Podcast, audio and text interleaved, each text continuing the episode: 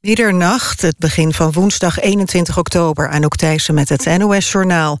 De Amerikaanse pakketbezorger FedEx mag zijn Nederlandse branchegenoot TNT overnemen.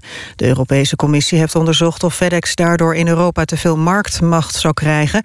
Maar er zijn geen bezwaren, melden de twee bedrijven. Of door de overname banen verdwijnen, is nog onduidelijk. In een huis in Dordrecht is een dode jongen van vier gevonden. Het lichaam werd gevonden door de vriendin van de bewoner van het huis, een man van 34. Toen de hulpdiensten bij de woning aankwamen, was hij niet thuis. De politie is naar hem op zoek.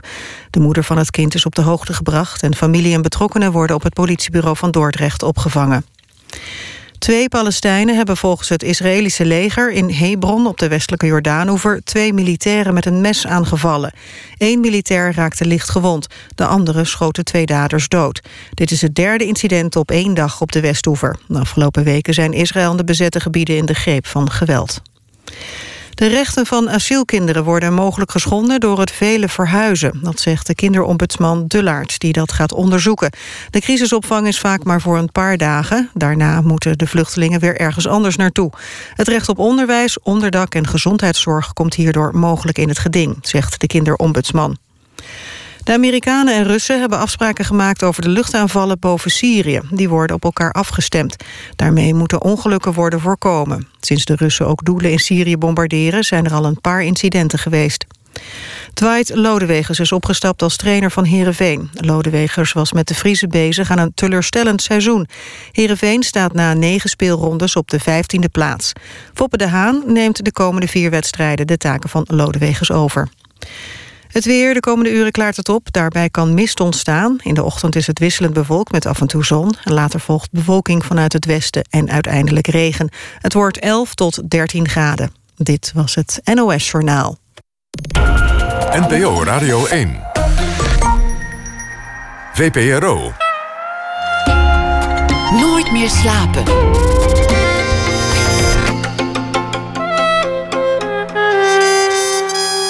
Met Pieter van der Wielen. Goedenacht en welkom bij Nooit meer slapen. Na één uur een korte cursus omgaan met de dood. Hoe doe je dat eigenlijk? Filosoof Lammert Kamphuis heeft daar een lezing over en praat erover na ene. Ook gaan we het hebben over nepbabies in films. Waarom zou je een echte gebruiken en als het dan toch een pop moet zijn... waarom moet die pop er dan zo slecht uitzien? En een verhaal van Bert Natter die deze week elke nacht de voorbije dag zal samenvatten. Maar we beginnen met Hanro Smitsman. De Affaire is de titel van een nieuwe, vooralsnog driedelige televisieserie over de redactie van een onderzoeksjournalistiek programma op televisie binnenkort voor het eerst te zien. Echte kwesties zijn het beginpunt. Het gewiste fotorolletje van Srebrenica bijvoorbeeld. Of de spionagepraktijken van de NSE. Of de ook van spionage verdachte atoomgeleerde Kaan. Maar dan gaan de makers er volledig mee aan de haal. Het wordt fictie. En onze redactie die heeft dan een scoop. De fictieve redactie, gespeeld door Peter Blok. Hij speelt een iets wat arrogante journalist. En Kiki van Deurzen is zijn verslaggeefster. Faction zou je het noemen in de literatuur. Fictie gebaseerd op de werkelijkheid. Het is inmiddels een beetje het uh, specialisme van Smitsman geworden. Hij maakte eerder gesprezen films in dat genre. Skin, losjes gebaseerd op de moord op Kerwin Duinmeijer in de jaren 80. Schemer, mede geïnspireerd op de moord op Maya Bradewicz, een schoolmeisje die door klasgenoten om het leven werd gebracht in 2003. En De Punt, over de Molukse kapingen in 1977. Hij heeft ook andere dingen gemaakt. Daar hebben we het zo meteen wel over. En Hanro Smitsman is geboren in 1967. Hartelijk welkom. Dankjewel. We gaan het eerst maar eens hebben over, over de fictie. Waarom, waarom zou je beginnen met de werkelijkheid? Waarom kan je niet gewoon iets helemaal uit je duim zuigen? Uh, ja, dat kan ook. Maar ik denk dat de werkelijkheid soms uh, Laten we het zo zeggen, uh, uh, soms wil je iets met de werkelijkheid en heb je een verhaal nodig om de werkelijkheid te begrijpen. Ik denk dat dat veel meer het uitgangspunt is om een verhaal te vertellen. Het is niet dat het betere fictie oplevert, maar het is gewoon dat het een betere manier is om de waarheid te vertellen. Ja, het is om, uh, je vertelt een verhaal om, om, om iets te achterhalen. wat je, waar je naar gekeken hebt of wat je meekrijgt. Weet je, dus, dus om het te begrijpen, om de, om de chaos waarin we leven te begrijpen. Hoe begint zoiets? Want, want ja. uh, Skin heb je bijvoorbeeld zelf geschreven, zo weer een aantal ja, jaar geleden, 2008. Met twee vrienden inderdaad, ja. Begint het dan met, met, een, met een krantenberichtje of, of ja, met een het begint anekdote? met dat, dat, dat, dat ik dacht van... hé, hey, uh, dat was... Uh, dat was een, een nazi. En dan kom je erachter dat hij een Joodse vader heeft. Dan kom je erachter dat hij heel veel familieleden uh, kwijtgeraakt is in de oorlog. En dan denk je, hé, hey, wacht even, deze jonge jongen wordt het symbool voor, voor het neofascisme of neonazies. En, uh, en dan denk je, maar dat is een beetje vreemd, toch? Dat deze jongen daar toe gebombardeerd is. En dan, als je dan verder leest, dan lijkt het wel een drama te zijn over een jongen die zijn vader zoekt. En een vader die vastzit in het verleden. En een jongen die hem niet kan bereiken. En de enige manier waarop deze jongen zijn vader kan bereiken, is eigenlijk om zijn uh, demon te worden. Dus eigenlijk er zo uit te gaan zien uh, dat hij eigenlijk uh, dat hij hem ziet staan. Dat is fictie. Hier is de fictie en, al begonnen, want dat, dat ja. wist je niet of het zo was. Nee, maar daarin zie je dus wel een verhaal. Wat Kerwin Duinmeijer, voor, voor wie wat later geboren is, dat was in, in de jaren tachtig een, een reusachtige kwestie. Het was namelijk een, een racistische moord ja. in Nederland. Het was een jongen die was neergestoken. En, uh, door neergestoken door Nico Bodemeijer. Ja. Een skinhead. Ja. Nou en, ja, een skinhead. Ja, ja zo, zo kwam die altijd in de krant terecht. Ja, ja maar dat, dat ook uh, skinhead zijn, dat is ook weer. Wat is het eigenlijk? Ja, het is, het is, het is muziek. Uh, het is begonnen uh, als protest. Je laat je haren groeien of je, of je scheert ze af. En het is ska-muziek. En dat werd op een gegeven moment uh, werd het, overgenomen door nationalisten in Engeland. En werd het op een gegeven moment een beweging. Maar kijk, nazi's mochten hun haren niet scheren. Dat deden ze met hun slachtoffer. Dus weet je, het is eigenlijk een raar beeld. Want je kunt eigenlijk in een skinhead geen neonazies zien. Je kunt in een skinhead veel meer een, een slachtoffer zien van de neonazies. Het is een beetje een gek beeld, zeg maar. Maar hoe het werkt, want, want, want daar ging het me eigenlijk om ja. in eerste instantie, is dat, je, dat er zo'n kwestie is waarin het ultieme kwaad ja. herkend wordt in een jongen die, die iemand anders uit racistische motieven neersteekt. En bij jou gaat het dan op de een of andere manier bewegen. En dan, dan lees je zo'n detail van hé, hey, ja. Zijn vader was kampoverlevende. Hoe zit dat eigenlijk? Ja, sowieso. Het begint eigenlijk al dat het ultieme kwaad in een, in een verwarde jongen van, van uh, net 16 gestopt wordt. Daar raak ik eigenlijk al een beetje geïrriteerd. En dan denk ik van ja, dat vind ik te makkelijk.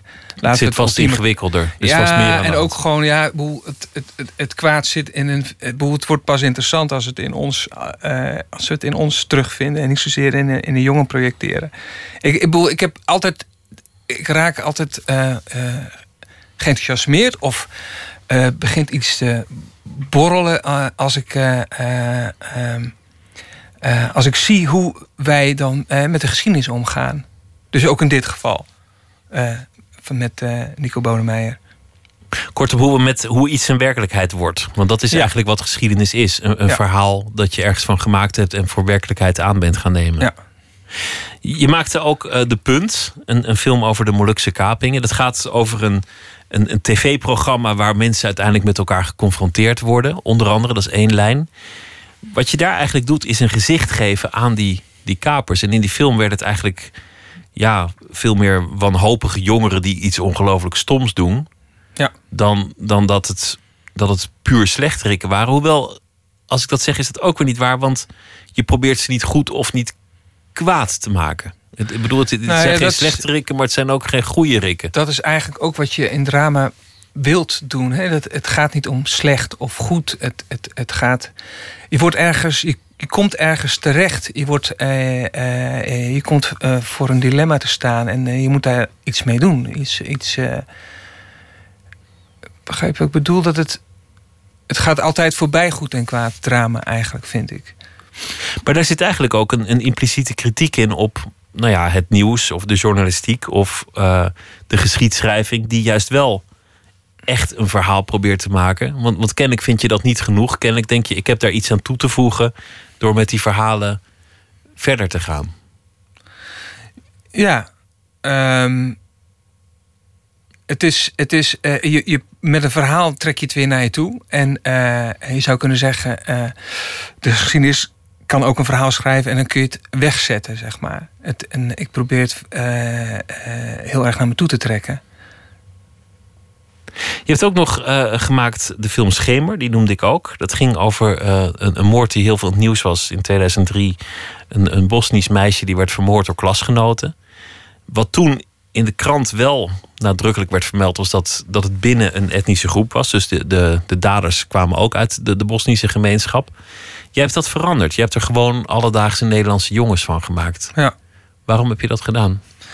Ja, eigenlijk weer eh, om hetzelfde. Ik, ik, las dat het geen. Uh, het was geen Nederlandse moord. Het was een. Uh, werd begaan door buitenlandse kinderen. Het had niets met Nederland te maken. Het, het, ik had alsmaar het idee dat iedereen op zoek was naar een motief. Dan kunnen we het van ons afschuiven. Dan, dan geven we het een plek. En dan hoeven we daar niet meer over na te denken. En ik dacht, ja, als ik hier een verhaal over ga maken, over ga maken dan uh, gaat het mij niet zozeer om deze specifieke moord. Maar dan wil ik meer een verhaal maken over het zondebokmechanisme.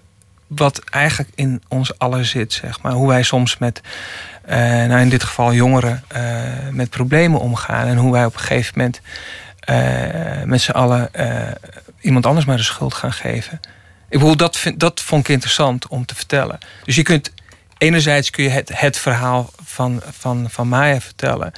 Maar ik weet dat ik dat nooit kan vertellen en dat daar heel veel perspectieven op zijn. Dus het, dan is het belangrijk voor mij verhalen vertellen om op zoek te gaan naar een, een, een thema, een concept en, en daar iets over te vertellen. Dus ik, ik laat me heel erg inspireren door het echte verhaal en ik geef.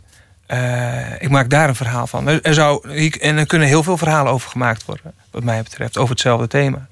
Maar dan is het risico dat je eigenlijk andere verhalen wil vertellen universele verhalen over, over het kwaad, over, over hoe we omgaan met groepen, over jongeren, over, over groepsdynamiek. Ja. Waarvoor je een verhaal gebruikt wat wel echte mensen aangaat. Er zijn echte nabestaanden, er zijn mensen, er zijn echte daders die misschien ergens in de gevangenis zitten of alweer vrij zijn, dat weet ik niet. Je zou het dan ook helemaal kunnen loszingen van die oorspronkelijke data. Heb je, heb je daarover nagedacht? Van hoe krijg ik het weer weg bij de werkelijkheid? Ja, uh, absoluut ik voel ook wel de behoefte hoor, om een keer uh, vooral uh, dingen te maken die niets, wat mij betreft, een verhaal dat zich op de maan afspeelt. dan ben je vrij. Weet je, om, om iets te vertellen over een bepaalde eenzaamheid of een existentialistisch verhaal over hoe wij ons verhouden tot, tot de buitenwereld. En, maar weet je, verhalen willen eigenlijk altijd iets vertellen over, over een gevoelswereld uh, van, van, van, van mensen. En ik, ik, ik vind het zelf heel erg lastig als iemand zegt van ja, je, je vertelt het verhaal van de punt, dus moet je exact dat verhaal van de punt vertellen. Ja, dat is een moeilijk uitgangspunt, want je kunt ook een camera buiten de trein plaatsen en zeggen, nou dit was, dit is exact anderhalf uur, zo is het gegaan. Weet je wel? En Kortom, dus jij, jij gelooft niet dat het verhaal zoals het in de geschiedenisboeken terecht is gekomen, het, het, het echte verhaal is. Dat is nou net waarom je ermee bent begonnen. Dat je denkt, er maar is dat meer verhaal kun je niet vertellen. Dat, dan, wat is dan... Je wil altijd weten wat het dilemma is van een personage. Je wil weten wat het verlangen is van een personage. In een geschiedenisboek staat niet het verlangen van een personage. Er staat wel politieke aspiraties of dingen, weet je wel, maar niet precies het verlangen. Ging dat meisje, het enige meisje, nou mee omdat ze verliefd was op een jongen? Had ze moeite met de ouders, weet je wel? Voelde ze zich onderdrukt? Hoe, hoe verhouden hoe, hoe, hoe, dat, zijn ook allemaal interessante dingen waartoe we ons allemaal kunnen verhouden. Ik denk dat je het dan pas goed gaat begrijpen, een verhaal ook. Ik denk dat we het allemaal mee kunnen maken, in principe. Weet je, dat is, dat is, dat is het mooie van verhalen vertellen ook, denk ik. Dat je je realiseert dat, dat wij het ook zouden kunnen doen, en wij zouden het ook kunnen meemaken. De moord was een bijna terloopse daad. Althans, de moord werd vrij uitgebreid gefilmd en vrij gruwelijk. Maar de beslissing om te moorden, de, de, de morele grens van iemand moet dood of niet, begon eigenlijk in die film met een losse opmerking van: Goh, dat, dat kind moet gewoon dood. Ja. Zo, zo terloops ging het. Ja. En toch maak je geen duivels van, van die daders. Ja. Maar wel, naar mij is het wel geloofwaardig zoals ik het neergezet heb, hoe het gaat. En dat maakt het heel eng omdat het niet meer het ultieme kwaad is, is het niet meer eng? Uh, nou, het wordt, het wordt naar mijn idee eng uh, uh, als het niet het ultieme kwaad is. Weet je wel? Als het, als het het ultieme kwaad is, dan, dan kun je het aanwijzen. Maar als het in ons zit, als je denkt van... Goh, dat, je zo, dat het zo makkelijk kan gaan. Maar ja, dat, er wordt zoveel gemoord. Als je een klein boekje, ik heb laatst een boekje gelezen over duizend jaar geschiedenis Europa. Nou, dat is een en al moord en doodslag. Dat je echt denkt, nou, we moeten het echt wel leuk vinden. Eh, anders zouden we niet zo vaak moorden. Het is, weet je, het is, het is, het is interessant om, daar, om je daarmee bezig te houden ook. Met, met of iedereen kan moorden en of, of moorden misschien leuk kan worden. Of dat, dat er misschien een plezier in zit voor degene nou, die om het het doet. beter te begrijpen, als je, het, als je zegt van het is het kwaad en, en dat wil ik niet, je moet het, moet het op een gegeven moment in jezelf eh, eh, eh, herkennen om, om, om, om het te kunnen stoppen. Laten we het even hebben over ehm, waar je eigenlijk voor gekomen bent. Want dat was namelijk het, de, de nieuwe tv-serie. Ja. Ehm, de affaire Ja. over, een, over een redactie. Ik heb de indruk dat, het, eh, dat je minder van jezelf erin hebt kunnen leggen... Dan, dan in de films die ik net noemde. Ik heb er met heel veel plezier naar gekeken. Het, het is volgens mij geslaagd, maar ik heb de Ja. indruk dat het wat minder echt een, een, een product is... dat volledig jouw handtekening draagt. Ehm, Nergens op gebaseerd hoor, dus je mag het ontkennen. Nou ja, ik heb, ik heb er. eh, eh, eh, ik heb wel heel erg geprobeerd om een, meest, een spannend drama van, ervan te maken. Over onderzoeksjournalistiek en een combinatie met meeslepend drama eigenlijk. Die twee elementen zitten erin. En ook, ja, zo. Het gaat altijd om, om zaken die met een soort mysterie omkleed zijn. En en die, ja, die de gemoederen nog steeds bezighouden. En eh, we gaan daarmee aan de haal. Hè. We, gaan, eh, we halen eigenlijk, we laten dingen zien die, die, die, die, die we niet weten. Dat maakt het spannend. Althans, wat, mij, wat ik leuk vond aan de scripts die ik las, was dat ik op een gegeven moment niet wist eh, van waar wordt het fictie. Ik, ik vond het, vond het, dat vond ik erg spannend aan. Wat, wat het heel goed maakte was eh, Peter Blok. Want, want dit is gewoon een rol die hem op het lijf geschreven is. Namelijk een, een iets wat arrogante journalist die zichzelf steeds iets te belangrijk maakt. Die ook zijn persoonlijke worsteling heeft met een echtscheiding en een, eh, en, en een opvoedplicht. eh, En bezoekdagen en dat soort dingen. En die natuurlijk ook probeert jonge verslaggever te verleiden. De, de, de psychologie van een redactie. Eigenlijk een beetje een karikatuur van een publieke omroep. Die van, van mij zelfs nog lijner had gemogen. Want Hmm. volgens mij gaat het er echt nog veel erger aan toe. Die vond ik heel erg geslaagd. De, de, de hoofdredactrice met veel te nauwe politieke banden. Ja. Vond ik ontzettend geestig. Ja. En daarmee wordt het echt een serie. Maar waar het jou uiteindelijk om te doen is, waar, waar het de makers om gaat, is. Wat kan je nog meer vertellen over dingen die we eigenlijk nooit echt te weten zijn gekomen? Ja. Het, het fotorolletje van Srebrenica. Hoe, hoe zijn, want zonder meteen het hele plot te verraden, hoe ga je daarmee verder? Want het is natuurlijk een kwestie die altijd zal blijven fascineren. Er is dat ene rolletje. En net dat ene rolletje wordt gewist door Defensie. Waar het bewijs op staat dat er genocide was. En vooral dat de Nederlanders dat konden weten. Ja. Hoe ga je daarmee verder? Ehm, nou ja, dat is het mysterie natuurlijk. Hè? Dat is. eh, eh, deel. Ik iedereen wil weten van. Wat is nou eigenlijk werkelijk gebeurd?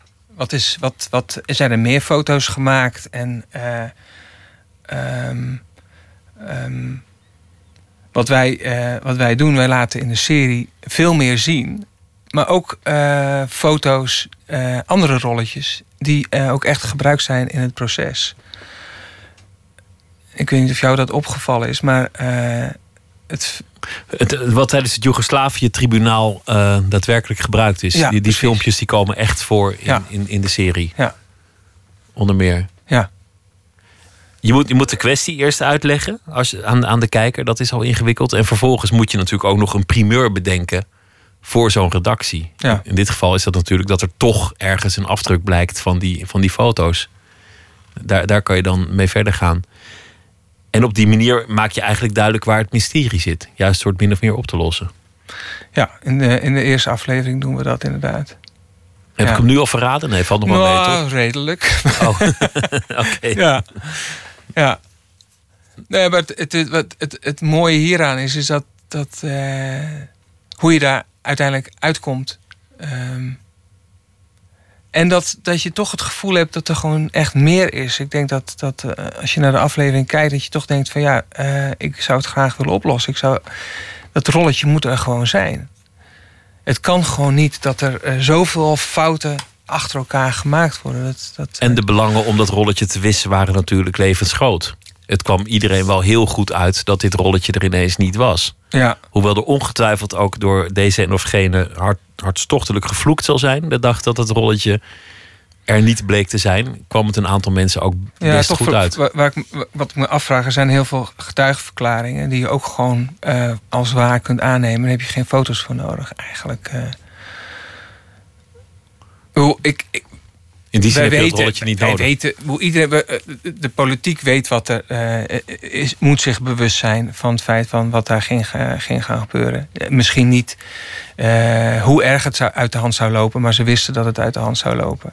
Dat is wel, eh, dat is, dat is wel duidelijk volgens mij. Dan is er de kwestie van de NSC, waarin ehm, eigenlijk de redactie langzaamaan zelf paranoïde wordt. En je ook niet meer weet wat, wat waar is en wat je moet geloven. En waarin ze eigenlijk een beetje hun eigen val stinken. Ik zal deze aflevering dan dus niet helemaal weggeven. En, en er is ook nog de kwestie van eh, de atoomgeleerden en Iran en hun bewapeningsprogramma. Ik wil het zo meteen met je hebben over ehm, wat andere thema's en andere dingen die je ook hebt gedaan. Maar we gaan eerst luisteren naar muziek van de eerste zanger Glenn Hansard. Hij heeft een nieuw album, Didn't He Ramble. En het nummer dat we draaien heet Paying My Way.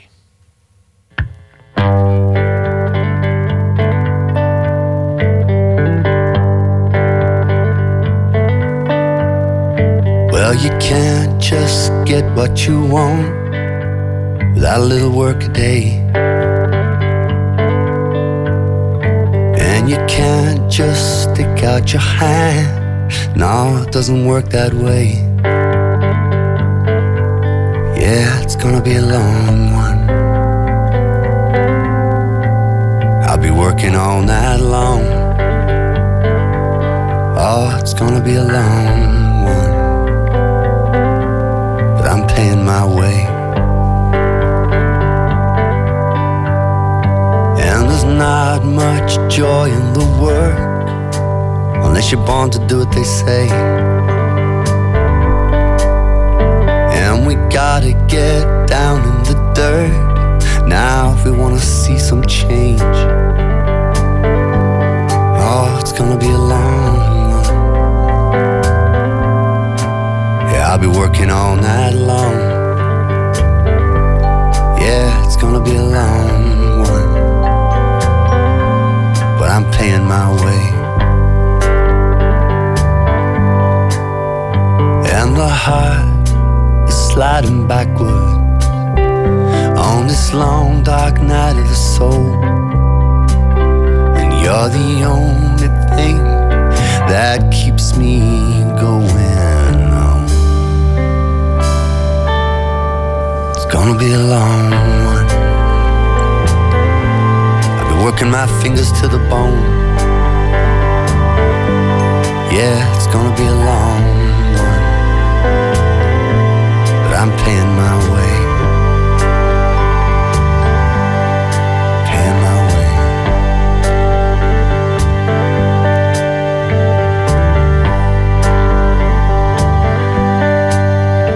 Well, there's not much change in the weather on this long walk home to you in the rain. And there's not much left in the purse now by the time the bills are paid. Oh, it's gonna be a long one. I can't wait for that weekend to roll along. Yeah, it's gonna be a long one. But I'm paying my way. Oh, it's gonna be a long take you out dancing all night long. Oh, it's gonna be a long one.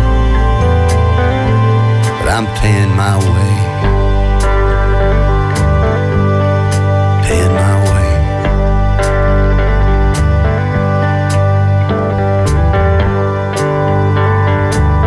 Fair work for fair pay.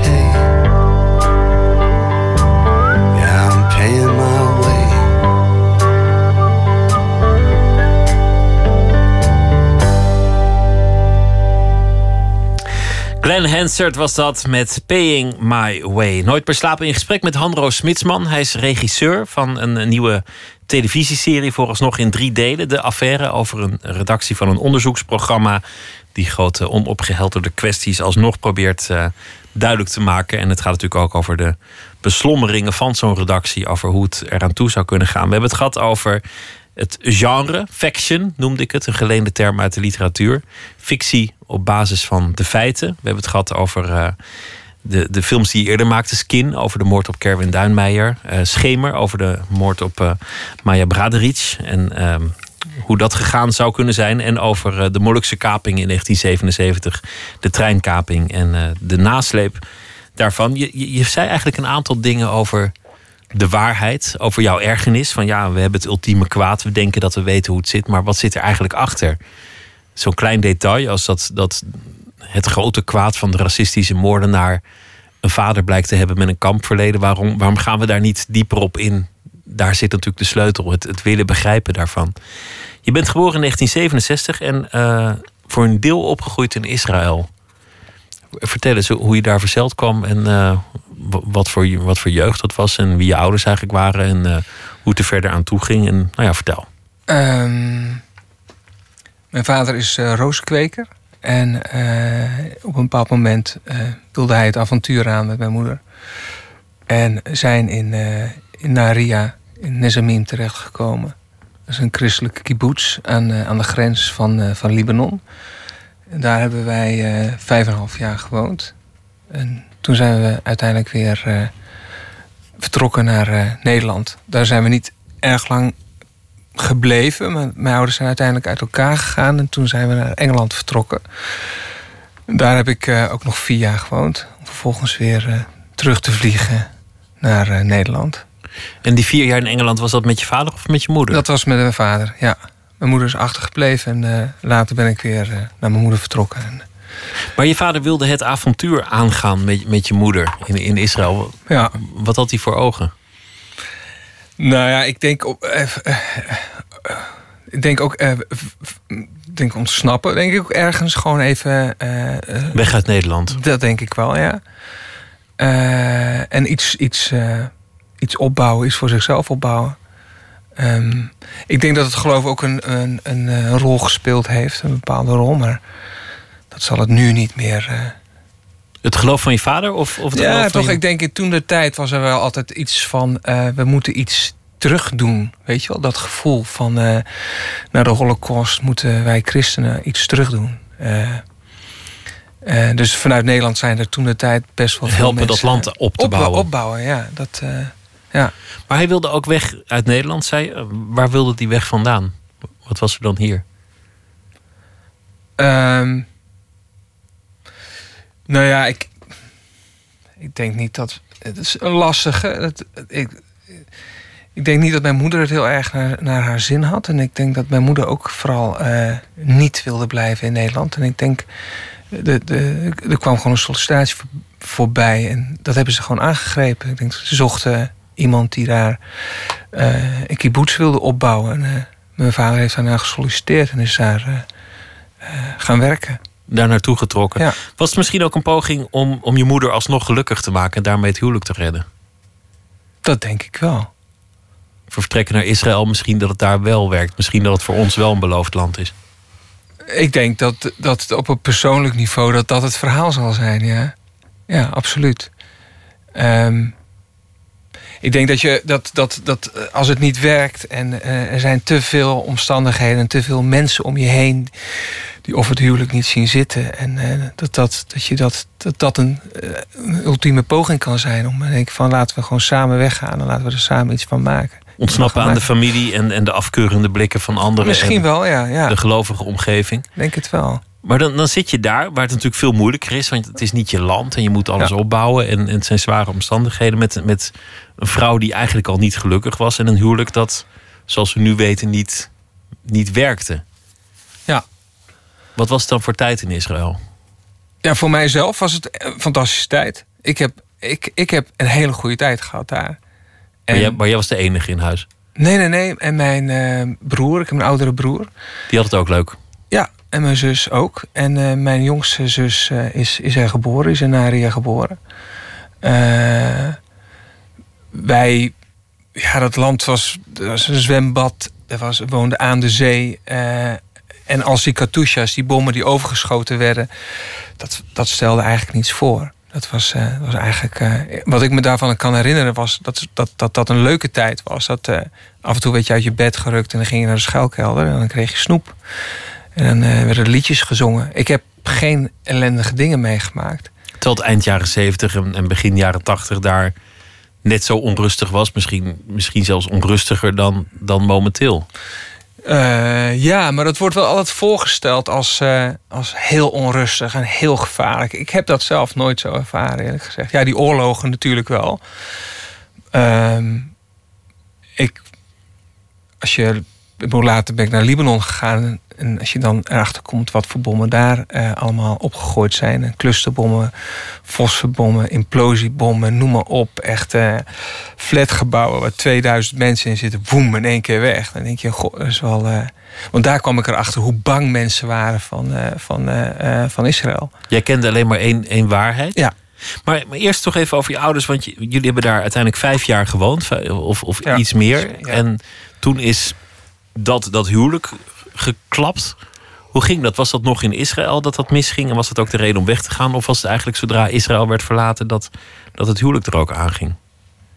Nee, dat, de huwelijk is uit, uiteindelijk is dat, eh, eh, is dat in Nederland eh, terug bij. terug in Nederland is dat uit elkaar geklapt. Echt geklapt? Of was het gewoon zachtjes aan op, op een regenachtige avond... van goh, zullen we maar eens gaan? Nee, dat was meer. Mijn moeder, mijn moeder kreeg een relatie met een andere vrouw. Ehm, en ik kan me nog heel goed herinneren dat op een bepaald moment eh, de familie van mijn moeder langskwam. En niet één oom of één tante, maar echt allemaal. En eh, wij waren de afwas aan het doen, wij mochten er niet bij zijn. En eh, toen werd er op een gegeven moment gescholden en mijn moeder rende weg en die sloot zich op op de wc. En, en die wilde de deur niet meer openmaken. En ik wilde echt iedereen het huis uit hebben. En eh, dat was echt eh, eh, ja, toch wel een behoorlijke hel, zeg maar, als kind als je dat meemaakt. Ook echt gewelddadig. Nou, nee, dat was het, niet gewelddadig. Maar ja, wel gewelddadig in de zin van wat het je aandoet, weet je wel. Je, je, Voor een kind is dat heel, heel traumatisch ja, je- het, is, natuurlijk. het is gewoon vreselijk. De, de, het soort. Dat deel waar je heel erg in gelooft, valt uit elkaar. Er blijft niets van over. Dat is. eh, Dat, dat was heftig, kortom. Ja, en dan, dan, dan krijg je natuurlijk de verhalen natuurlijk. Het conflict houdt daar niet op. De verhalen tussen je ouders, wat ze over elkaar vertelden. Natuurlijk, ja. En, ieder, eh, en dan als kind probeer je te achterhalen wie vertelt de waarheid. Je komt er dan langzaam achter dat er eigenlijk. eh, nou ja, dat het veel belangrijker is om te kijken bij wie je het meest thuis voelt. En niet zozeer eh, de waarheid. Ze, ze spreken allebei een waarheid, maar die, die twee waarheden die, die, komen heel vaak niet overeen. En hoe ver ging dat? Wa- Was het echt ook feiten die niet klopten... of gewoon de interpretatie van een, van een mislukte vakantie? Dat ieder zijn eigen verhaal heeft? Of, of werd er ook echt gelogen en, en kwaad gesproken over de ander? Nou, er werd wel degelijk kwaad gesproken over de ander. Ehm, nou, soms, soms was het echt puur interpretatie. Eh, en soms werden ook wel echt met feiten, werden feiten ook verdraaid. Maar ook soms, heel vaak dat ik dacht van... ehm, niet bewust altijd. Ik weet, dit, het is niet zo dat wij bewust... Nou, misschien soms wel, maar... ehm, de dingen werden, de, dingen liepen soms heel hoog op doordat bijvoorbeeld. Ik noem even een voorbeeldje. Het is, het is niet zo'n heel mooi verhaal, maar het geeft wel een beetje aan waar mijn behoefte eh, eh, eh, vandaan komt om verhalen te vertellen. Maar ehm, mijn zusje die verstopte briefjes in haar sokken met ik wil bij mama wonen. En die gaf zij aan, aan mijn moeder. Eh, daar was mijn moeder heel blij mee. Maar die briefjes werden ook vervolgens weer natuurlijk... uiteindelijk kwam weer bij de advocaat terecht. En totdat mijn vader zoiets had... ik wil niet meer dat ze dat doet. Dus eh, mijn vader fouilleerde eh, mijn zus... voordat ze naar mijn moeder ging. Maar ik wist nog niet hoe dat, hoe dat in elkaar zat. Er zit dus dat verhaal... Weet je wel, dat wordt heel pijnlijk op een gegeven moment hoe mensen dan met hun kinderen bezig zijn. En, Bijna als eh, een propagandamachine in, in, in een dictatuur. En met, eh, met, en met eh, heel veel liefde ook. En, en heel veel zorg. dat, dat lijkt Dat me is wel- het probleem ook Daar, daar begon het eigenlijk al. Want je zei, ik geloof niet alles zonder meer. Ik heb moeite met het begrip waarheid. Ik, ik wil andere kanten kennen. Ik, ik weet eigenlijk niet of, of het verleden wel echt het verleden is. Hoe het gegaan is. Je, je had het over een waarheid. Toen Ja. had je het nog over je werk. Maar dit gaat ook heel erg over, over je eigen jeugd en opgroeien... tussen twee verhalen en, en het niet kunnen kiezen. Ja. Ja, absoluut. Ja. Dan zat je Daar ook nog in... wel beter. Nou, ik vind het interessant. Maar dan zat je ook nog in Israël. Ja. Wat, wat, wat een land was waar, ehm, waar de, de bevolking ook maar één kant van een verhaal hoorde. Want, want je zei later, pas Ja. in Libanon kwam ik erachter hoe bang de mensen daar eigenlijk waren. Terwijl jij waarschijnlijk in Israël hoorde hoe bang je moest zijn voor de, voor de buurlanden. ja, absoluut. Wat, wat weet je daar nog van? Nou ja, ik weet, ik weet een, een voorbeeld is... eh, eh, in Naria werd een standbeeld van David en Goliath eh, opgericht... eh, ter herdenking.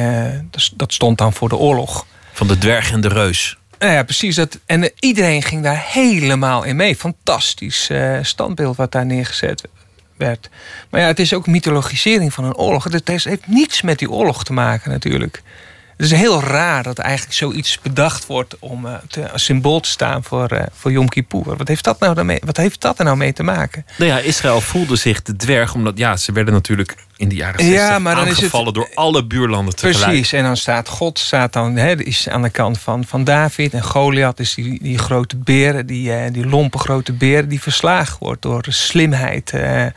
dus kijk eens hoe dat kleine landje, dat hele grote, grote Arabië verslaat. Eigenlijk natuurlijk onzin is. Zo is het helemaal niet gegaan. Maar zo wordt het wel op een gegeven moment eh, neergezet. En dat merk je eigenlijk met heel veel dingetjes ook. Later heb ik een documentaire gemaakt in eh Shabra en eh, eh, dat gaat over het proces tegen Ariel Sharon in België. Ehm, daar, eh, hij werd aangeklaagd in België. In België hadden ze een genocidewet. En daar kon eh, iedereen overal ter wereld gebruik van maken. Als jij slachtoffer was eh, van een genocide, kon je daar Want- aankloppen. Want de precieze getallen, daar, ook daar verschillen de meningen over. Maar er zijn f- flink aantal mensen vermoord Ja. door, door Libanese ehm, milities. Maar Ja. het, het gebied stond onder protectoraat van de Israëli's. Die, Ja. die, die moesten daar de boel beschermen. En eigenlijk is nog steeds onduidelijk hoe dat kon gebeuren. Waarom de Nou, het Israëli's... is heel duidelijk hoor. Nou ja, ehm, wat, wat eigenlijk de aanklacht altijd is, is dat Israël Een parlementaire enquête zelfs, als je die al leest. En de VN zegt ook dat ze, dat ze in ieder geval niet hebben ingegrepen. Dat is dan de minste aanklacht. Maar ergere aanklachten zijn dat ze ook actief die mensen hebben binnengelaten. Ja. Je, je hebt daar een film over gemaakt. Ja, een documentaire, ja. Ik heb, eh, nou, ik heb zoveel documenten daarover gelezen. Dus een- dat, dat het wel erg duidelijk is dat Israël dat kamp heeft afgesloten. Van gisteren het kamp heeft ingestuurd. Ze hebben het verlicht, s'nachts. En eh, nu is de vraag natuurlijk... eh, ja, ze wisten dat het uit de hand zou, zou lopen... maar wisten ze dat het zo erg uit de hand zou lopen? Nou, de enige discussie die je zou kunnen voeren daarover... is hoe erg zou het uit de hand lopen? Maar ze stonden op 40 meter afstand. Hè? Kun je dan niets zien? Heb je dan niets gehoord? Bedoel, het is, het is echt overduidelijk eh, wat, wat ze daar gedaan hebben. En alles wat je daarover leest, en ook New Historians bijvoorbeeld in Israël, dat is een interessante beweging of club. eh, eh, mensen die over geschiedenis schrijven, die schrijven een hele andere geschiedenis over Israël dan, dan ooit daarvoor ge- geschreven is. En ik denk eigenlijk, hè, als, je, als je op die manier omgaat met je geschiedenis, dan bereik je elkaar ook veel meer. Ik denk dat. Die mensen in, in, in, in Saoedi-Arabië of waar dan ook verschillen echt niet van die mensen in Israël. Ze willen Nee, allemaal dat- in een democratisch land wonen. Dat kan je ook omdraaien. Want ik, ik heb eerlijk gezegd het ook heel vaak met, met de andere kant. Waar, waarin Israël dan als, als een soort kwade natie eh, wo- wordt afgeschilderd. Dat, dan denk ik, nou, er is, er is een heel duidelijke andere kant aan het verhaal. En dan, dan heb ik eigenlijk ook vaak heel veel begrip voor het Israëlische standpunt. Ik bedoel, je kunt, je kunt het de ene kant opwerken, maar net zo goed de andere kant op. Ja, maar je moet niet. eh, eh, Ik denk wel dat je helder moet zijn in, in wat je communiceert naar buiten toe. En hoe je eh, en helder moet zijn over. over... Wie, wie moet helder zijn? Nou, Israël moet ook helder zijn. Maar dat zijn ze ook in principe. Weet je wel, eh, bepaalde historici of eh, eh, bijvoorbeeld eh, Semanticus als. hoe heet die man uit Amerika? Nee, je komt er zo wel op, denk ja, ik. nou, die, die worden niet eens meer toegelaten omdat ze gewoon puur wetenschap bedrijven. Dat, Dat escaleert. Je had eigenlijk, want, want je zei, ik, ik groeide al op tussen twee waarheden. En, en eigenlijk kwam ik erachter, na te zijn opgegroeid met het David en Goliath idee, dat, dat die andere kant zich ook de dwerg voelde die door een reus werd aangevallen. Ja. Je had daarmee de journalistiek in kunnen gaan, eh, documentaires kunnen blijven maken, doorgaan op dat pad van, van waarheidsvinding, proberen belangrijke films te maken. Wat was toch de stap om echt filmmaker te worden? Wanneer dacht je eigenlijk van, goh, regisseur, dat, dat is mijn vak. En dan vooral van, van speelfilms. Mijn moeder is, eh, is, is, is, is schilderes en eh, ik studeerde in Wageningen. Ik heb op een bepaald moment een korte film gemaakt en ik vond het medium echt fantastisch. Ik kwam er echt achter. Ik schilderde zelf ook al, ik tekende, maar ik kwam erachter, ja, dit is het medium wat ik eh, graag wil gebruiken. Ik zag het echt als een medium om verhalen te kunnen vertellen.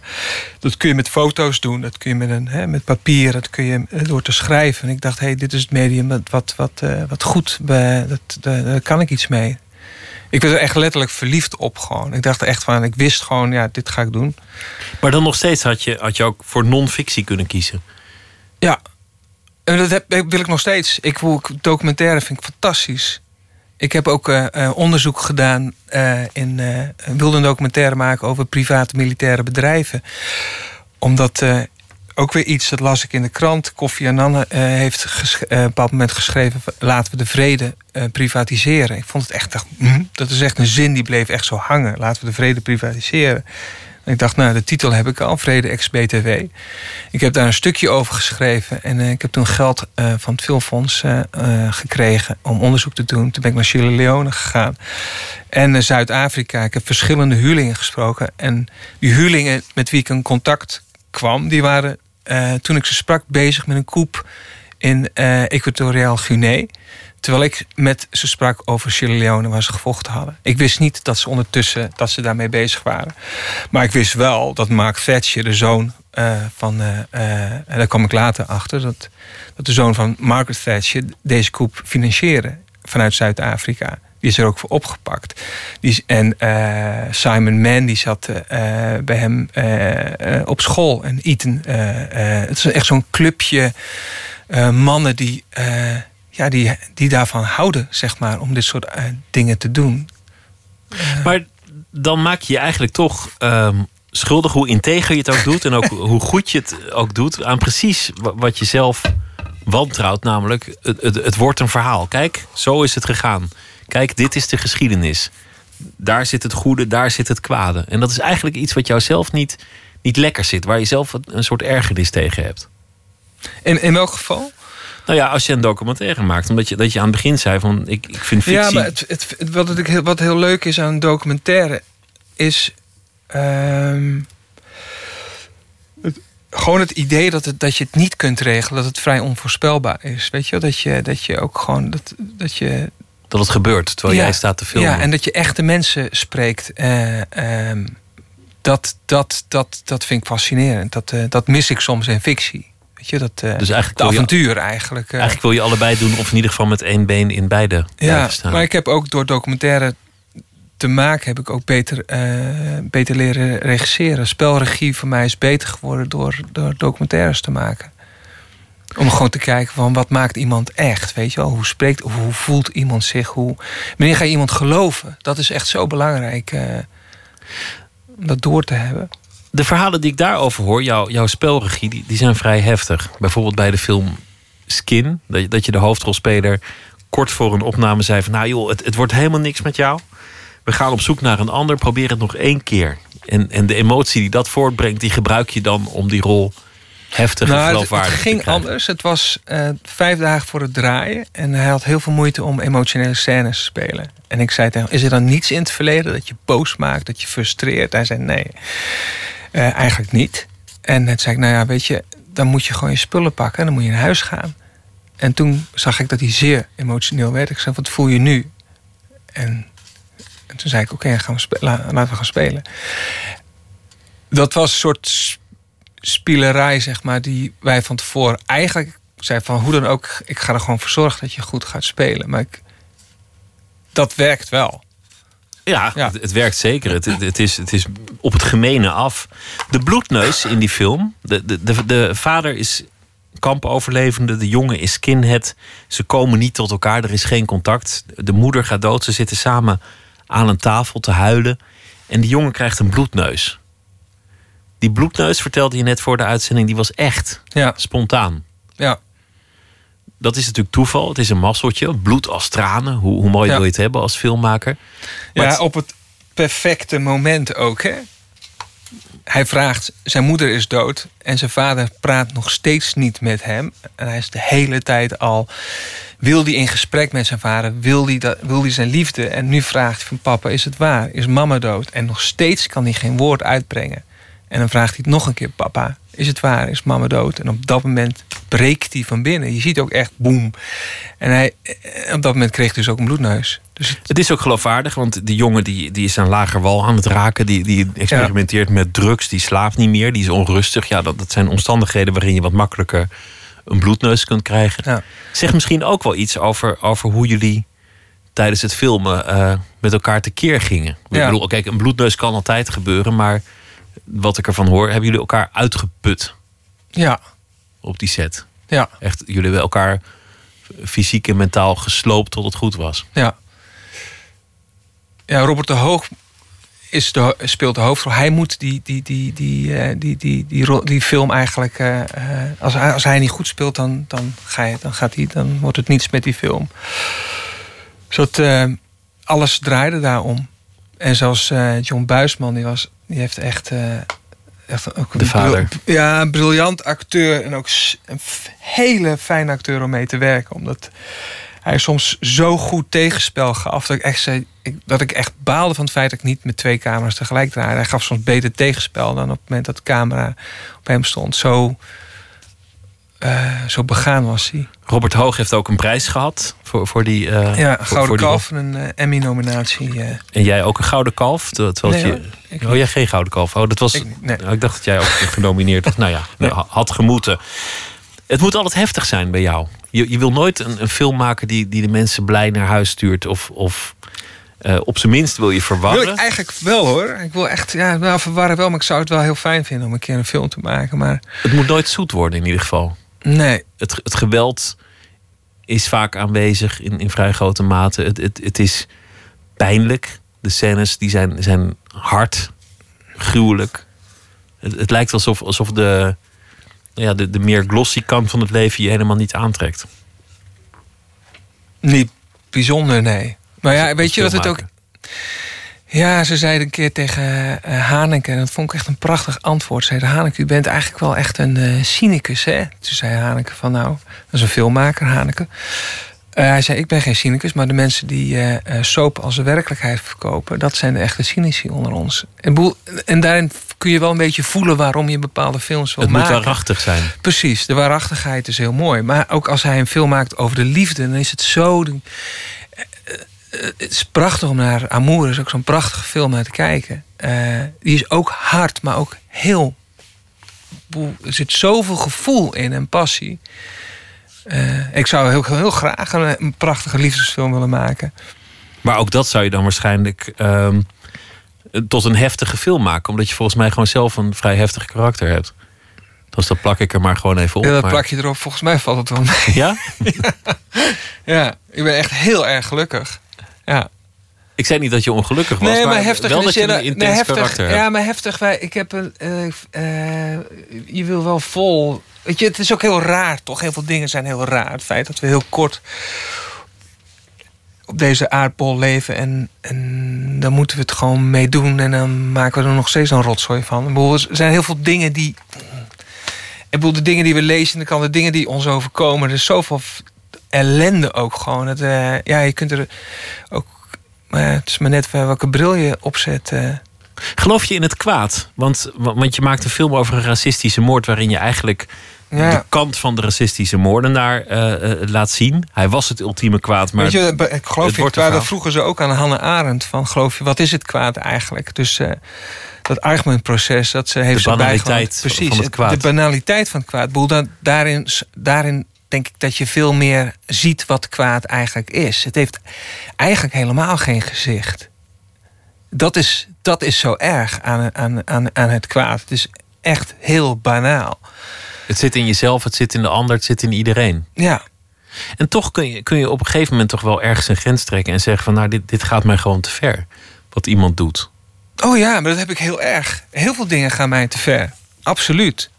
Het gaat me echt. Het, feit. Het, wat, wat, wat, eh, eh, dat is ook waarom je die films maakt. Ook gewoon eigenlijk. Omdat je er eigenlijk gewoon heel veel moeite mee hebt met het kwaad. Het begint wel met verontwaardiging.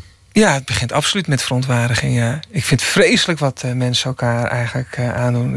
Ik, krijg, ik heb soms al moeite als mensen een plant zomaar uit de grond trekken. Kan ik al niet eens tegen. Gewoon, het is. Nee, ik, heb daar, ik vind het echt. Ik, ik heb daar heel veel moeite mee, moet ik zeggen. Met, het leven is zo complex en zo mooi. En, we, en het wordt zo makkelijk kapot gemaakt. We zijn zo ontzettend niet bewust van elkaar. Eh, we kijken zo slecht om ons heen. En ehm, ja, dat vind ik echt. eh, dat doet me heel veel. Het, eh, En toch, toch is het dan knap dat je het wil onderzoeken. Als het begint bij verontwaardiging. Omdat het Ja. te makkelijk is om gewoon te zeggen... kijk eens wat die rotzak gedaan heeft. Of, of hoe durf je? Want, want veel van die Ja. zaken waar, waar jij mee aan de haal gaat... die begonnen met die verontwaardiging. Ja. Een, een groep klasgenoten die zonder enige uitleg... een klasgenootje vermoord... omdat ze het een irritant mens vonden. ja, Daar kun je in, in blijven steken. Zeggen, nou ja, rot jongens. Ik ben verontwaardigd. Einde verhaal. ja, klaar. Klaar. En dat klaar, dat kan ik gewoon, dat vind ik, dat vind ik heel erg lastig om, daar, om dan te zeggen klaar. Omdat ik dan denk van, dan, dan, dan, ja, dan blijft het bij mij toch hangen. Dan denk ik van, ja, ik, ben er niet klaar mee. Ik begrijp het gewoon niet. Nog steeds verontwaardigd en, en het niet gaan begrijpen. Ja, Het risico is natuurlijk wel, en, en dat zie je eigenlijk heel vaak, dat, dat door, door alles te nuanceren, ik heb die, zo, die neiging zelf enorm, dan zie je overal wel zes kanten ja in. nuanceren je- doet begrijpen, weet je wel. En, en ja, maar, en nuanceren, dat is eigenlijk ook vaak een beetje je, je neus drukken. Dan ben je er maar vanaf. Dan zeg je, nou ja, er zitten heel veel kanten aan het verhaal. En waar twee vechten hebben twee schulden. En, en, je, en je bent er weer van verlost. ja, Je hoeft niet te kiezen. Het is niet meer jouw zaak. ja, maar je maakt een, een, een, film voor de kijker. En het gaat dan niet om die persoon die het heeft gedaan. Dus is denk ik een nuanceverschil. En daarmee wil ik eigenlijk zeggen, hoe, ga, hoe gaan wij de, eh, hoe, gaan, hoe, eh, hoe eh, moeten, moeten wij ermee omgaan? Met wat ons overkomt. Momenteel, met, met alles wat er aan de hand is in, in de wereld. En, en dan bijvoorbeeld ook de, de vluchtelingenstromen. Dan, dan zie je eigenlijk ook dat, dat de kwestie steeds meer wordt verengd tussen voor of tegen vluchtelingen. Mensen die bang zijn, die zijn dus kennelijk tegen vluchtelingen. Ja. En, en mensen die aan de goede kant staan, dat vinden ze meestal zelf dat dat de Ja. goede kant is. Die Grappig, zijn, hè? Want wij noemen ze voor. inderdaad vluchtelingen. In Turkije noemen ze die mensen gasten. Ja, of migranten, of, of weet maar ik hoe als je je het noemt. gasten noemt, gasten, dan, dan wordt het, ben je tegen gasten, gastvrijheid of tegen gasten. Er zijn, weet je wel, het is maar het De woordkeuze is al. Is daar al begint het eigenlijk al mee, ja. Dat vind ik wel, ja. Het is eh, dat, dat, dat, hoe we er eigenlijk nu al meteen al qua, eh, semantische discussie, maar ik denk dat daar eigenlijk al een, eh, eh, een interessante discussie ontstaat. Want het- viel mij op toen ik laatst in Turkije was. Omdat we zijn bezig met een, een, een, film over. ehm, eh, nou ja, dat gaat over vluchtelingen en problematiek. en eh ISIS-strijders. Zijn we naar, naar Syrië afgereisd. Maar dat viel me dus tijdens die reis viel me op hoe, wat die Turken allemaal doen voor, voor al die eh, vluchtelingen of gasten. Hoeveel mensen er opgevangen worden. Wat zij, het is echt ongelooflijk wat Turkije uithaalt. de getallen de, zijn en de. Koeren, en de Koeren. Los van elkaar ook veel. Hè? En dat wordt, dat wordt een gewone documentaire. geloof ik. Wat je, wat je daar. eh, nee, dit, wordt, dit, dit hier heb ik niet met jou over gesproken. Dit heet Operatie Serie en eh, dit wordt een televisiefilm. En dat gaat over eh, eh, twee broers, twee Turkse jongens komen erachter dat broer 3 naar Syrië is afgereisd. En ze denken dat hij zich aangesloten heeft bij ISIS. En de, deze twee broers zijn compleet uit elkaar gegroeid en die reizen samen die kant op en groeien tijdens de reis weer naar elkaar toe. Eigenlijk. Kortom, alle ingrediënten die, die voor jou een goede film maken. Een, een persoonlijk verhaal gekoppeld aan een Ja, en dan ook beginnende werkelijkheid. Ja, en dan eigenlijk een soort de echte setting gaan gebruiken. Dus eh, de acteurs in, de, in, in een werkelijke setting laten acteren. En dat, dat is interessant. Eigenlijk wat eh, eh, Michael Winterbottom in In This World ook gedaan heeft. Maar met ik neem aan dat je niet in Syrië gaat draaien. Nee, maar misschien wel. Hangt er een beetje vanaf. Ik moet, eh, ik moet de acteurs kunnen verzekeren. dat, is een beetje, Of- of dat dat is het probleem, ja. Je bent ook een, een film aan het maken over Mark Stroop. Dat was de, de, onderhandel, of de autohandelaar die Ja. eh, eventjes in het nieuws kwam. Hij verhuurt auto's. En een van die auto's die kwam niet terug. En hij zag aan de GPS dat hij naar Irak was afgereisd. En hij dacht, Ja. potverdulle, maar dat lijkt me niet geboren. Ik, ik ga nu die auto terughalen. Een, een, een held in de krant. Het nieuwtje duurde drie dagen. ja. Hoe ga je daar een film van maken? Hoe maak je daar dan een levend personage van? Ja, die man moet door de reis eh, eh, veranderen natuurlijk. Hij moet een bepaald beeld hebben van vluchtelingen en, eh, en de wereld. En dat beeld moet veranderen. In werkelijkheid heeft Mark Stroop zijn auto's teruggehaald en is niet echt veranderd. Dat is voor mij niet echt een verhaal. Maar wij, gaan, wij willen hem koppelen, dat zijn de ideeën, aan eh, de vader van eh, een van die potentiële jihadis die die auto's heeft gestolen. Dus dan heb je twee mannen. Eén gaat voor zijn zoon, die wil zijn zoon redden, en de ander wil zijn auto's terughalen. En dat is natuurlijk interessant, omdat de jihadi ook een, een soort ultiem kwaad is. Terwijl er waarschijnlijk ook persoonlijke en, en iets wat sukkelige motieven zijn om zoiets te Het is gaan. het is niet alleen maar de, de, de grote ideologie, maar misschien ook wel de strijd tussen een, een, een vader en een zoon. Of, of iemand die gewoon op avontuur uit, Uit- is. Of En dat is het ook heel vaak natuurlijk. Hè. Voor, voor ik heel denk dat jonge jongens. altijd eh, ook persoonlijke motieven heeft. Ja. Ja. Het boel, eh, als je vraagt van hoe moet dat kalifaat er dan precies uitzien? Boel, het is maar net, boel, niemand heeft daar. eh, het vroegere kalifaat zag er heel anders uit dan wat zij nu willen. Maar ook heel veel boze jongeren en zoveel zijn het er ook niet die daar naartoe reizen.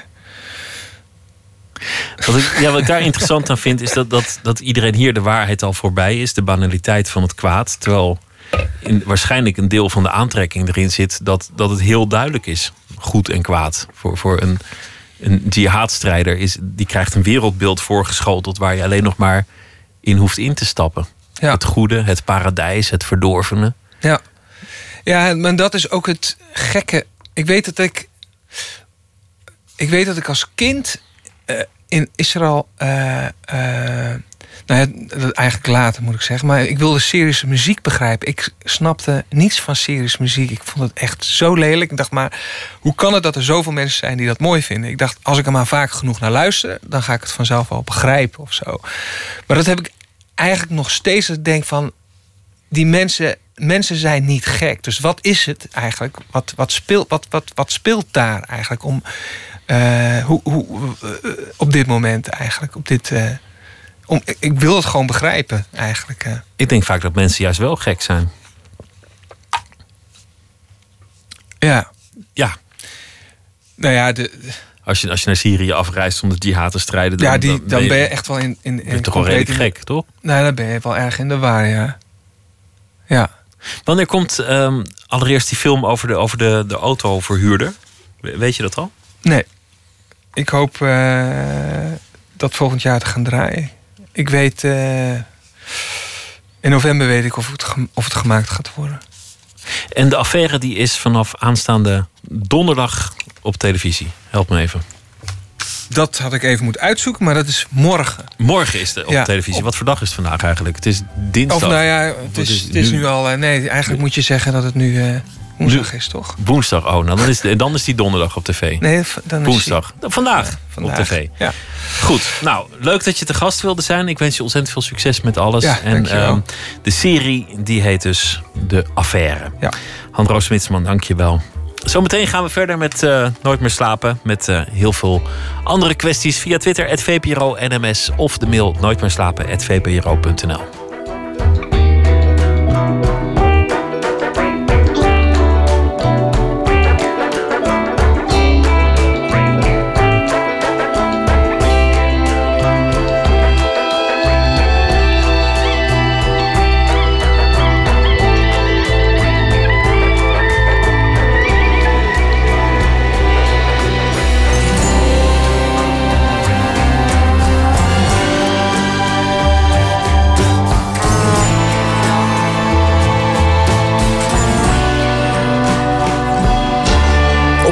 1.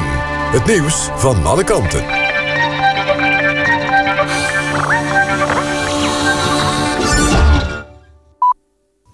1 uur en ook Thijssen met het NOS-journaal.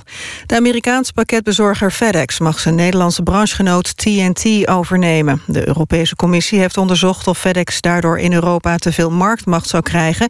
Maar er zijn geen bezwaren, melden de twee bedrijven. Of door de overname banen verdwijnen is nog onduidelijk. Iran zegt dat Saoedi-Arabië mogelijk een aantal vermiste Iraanse bedevaartgangers zonder overleg heeft begraven. Het gaat om pelgrims die vorige maand omkwamen tijdens de bedevaart in Mekka. Honderden mensen werden toen doodgedrukt. Volgens de Iraanse hulporganisatie Rode Halve Maan zijn niet geïdentificeerde Iraniërs mogelijk in Saoedi-Arabië begraven. 36 Iraanse pelgrims worden nog vermist. De rechten van asielkinderen worden mogelijk geschonden door het vele verhuizen. Dat zegt kinderombudsman Dullaert, die dat gaat onderzoeken. De crisisopvang is vaak maar voor een paar dagen. Daarna moeten de vluchtelingen weer ergens anders naartoe. Het recht op onderwijs, onderdak en gezondheidszorg komt daardoor mogelijk in het geding, zegt de kinderombudsman. Onderwijsorganisaties vinden dat het kabinet de kosten van een stijging van de pensioenpremie moet betalen. Door een verhoging van de pensioenpremie blijft er volgens de organisaties minder geld over voor betere arbeidsvoorwaarden. Ze wijzen erop dat het deze zomer afgesproken loonakkoord voor ambtenaren deels van een verlaging van de pensioenpremies uitgaat. In een huis in Dordrecht is een dode jongen van vier gevonden. Het lichaam werd gevonden door de vriendin van de bewoner van het huis, een man van 34. Toen de hulpdiensten bij de woning aankwamen, was hij niet thuis. De politie is naar hem op zoek. De moeder van het kind is op de hoogte gebracht... en familie en betrokkenen worden op het politiebureau opgevangen. Het weer. De komende uren klaart het op. Daarbij kan mist ontstaan. In de ochtend is het wisselend bewolkt met af en toe zon. Later volgt bewolking vanuit het westen en uiteindelijk regen. Het wordt 11 tot 13 graden. Dit was het NOS Journaal. NPO Radio 1. VPRO. Nooit meer slapen.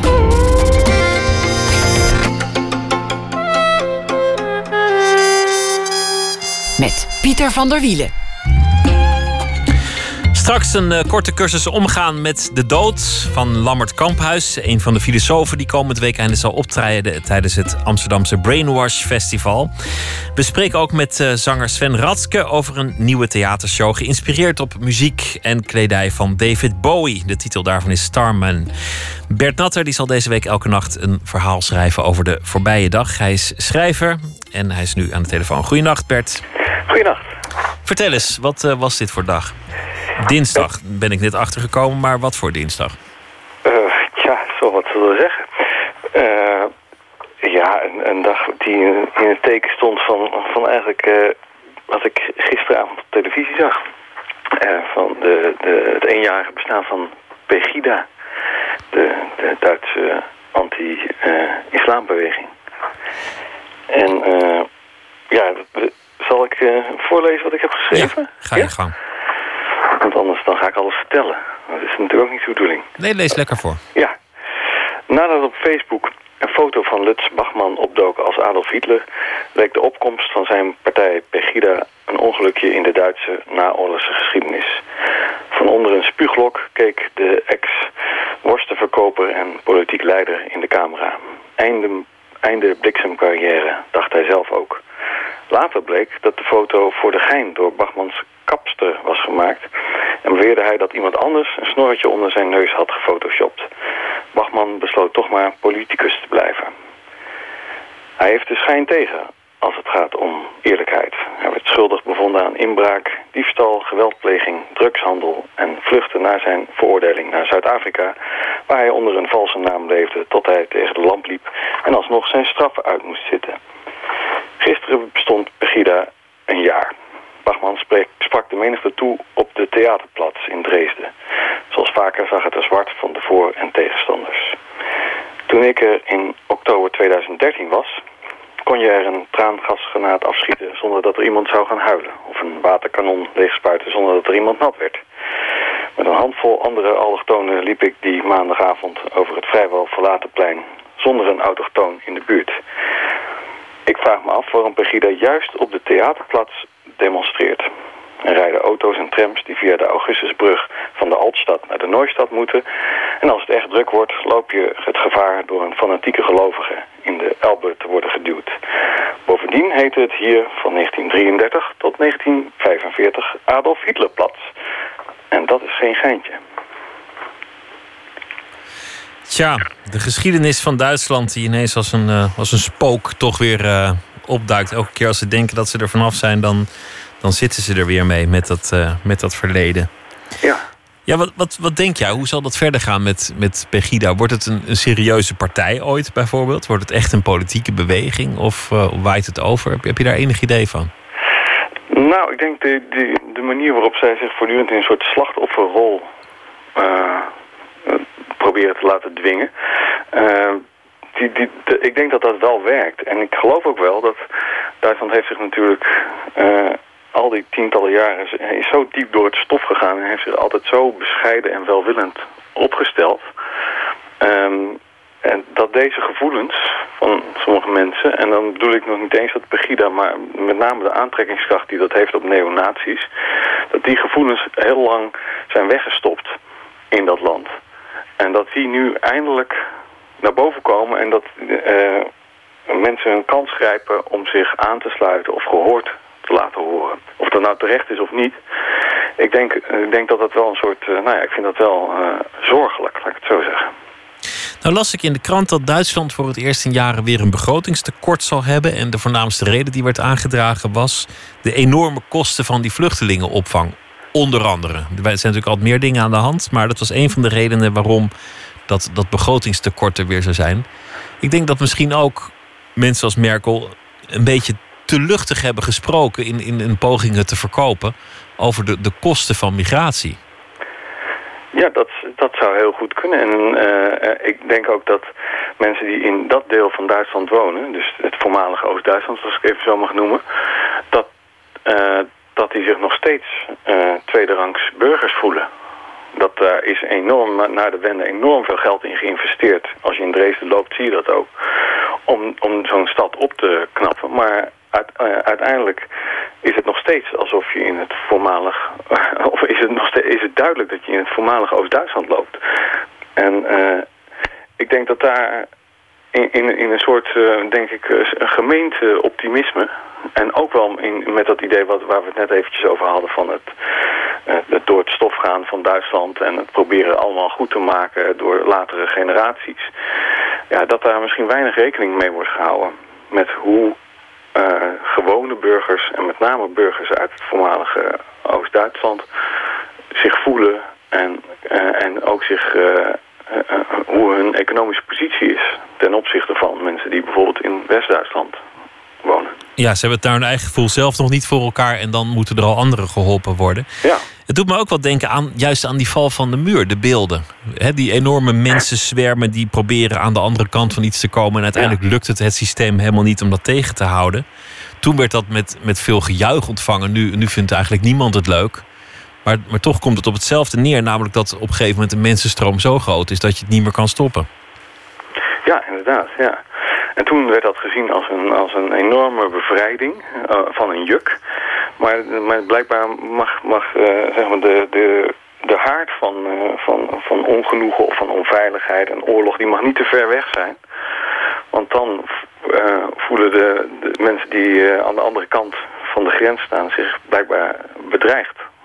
Ja. Wat, wat, wat ook wel allemaal voorstelbaar is hoor. Maar ik vind, ik vind eigenlijk dat dat, dat het aan uh, politici is uh, om om daar toch een uiterste best voor te doen. En misschien dat, dat, uh, dat Merkel dat ook wel wilde. Ik, ja, ik ben geen politieke commentator, maar dingen over het hoofd heeft gezien. In Zij weten het ook gewoon niet. Ik denk dat de politici het dit keer ook gewoon niet weten. Dus Nee. een, de, de zwakte is dat politici altijd doen alsof ze alles weten. Maar volgens mij is dat helemaal niet zo. Die hebben ook gewoon geen idee. Nee, ik, ik weet nog toen, toen Van Gogh was vermoord, toen uh, was uh, Theo van Gogh was vermoord, toen kwam Jan Marijnis in beeld en er was er meteen een microfoon. En alle fractievoorzitters van, van partijen die zeiden iets daarover wat er moest gebeuren. En, en uh, Jan Marijnissen zei, ik weet het niet. Ik moet hier even over nadenken. Ja, dat was wel een heel wijs antwoord, vind, vind ik.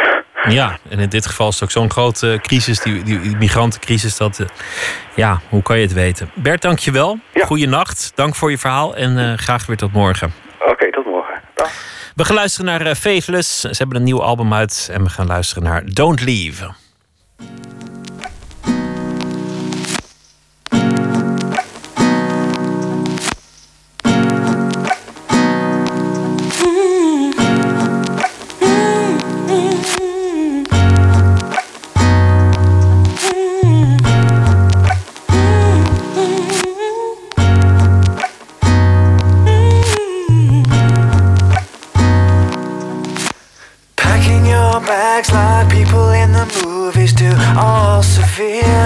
Not saying a word And I'm sitting down here just watching you And I'm thinking Where is all the love gone? Where's the love gone to? Don't leave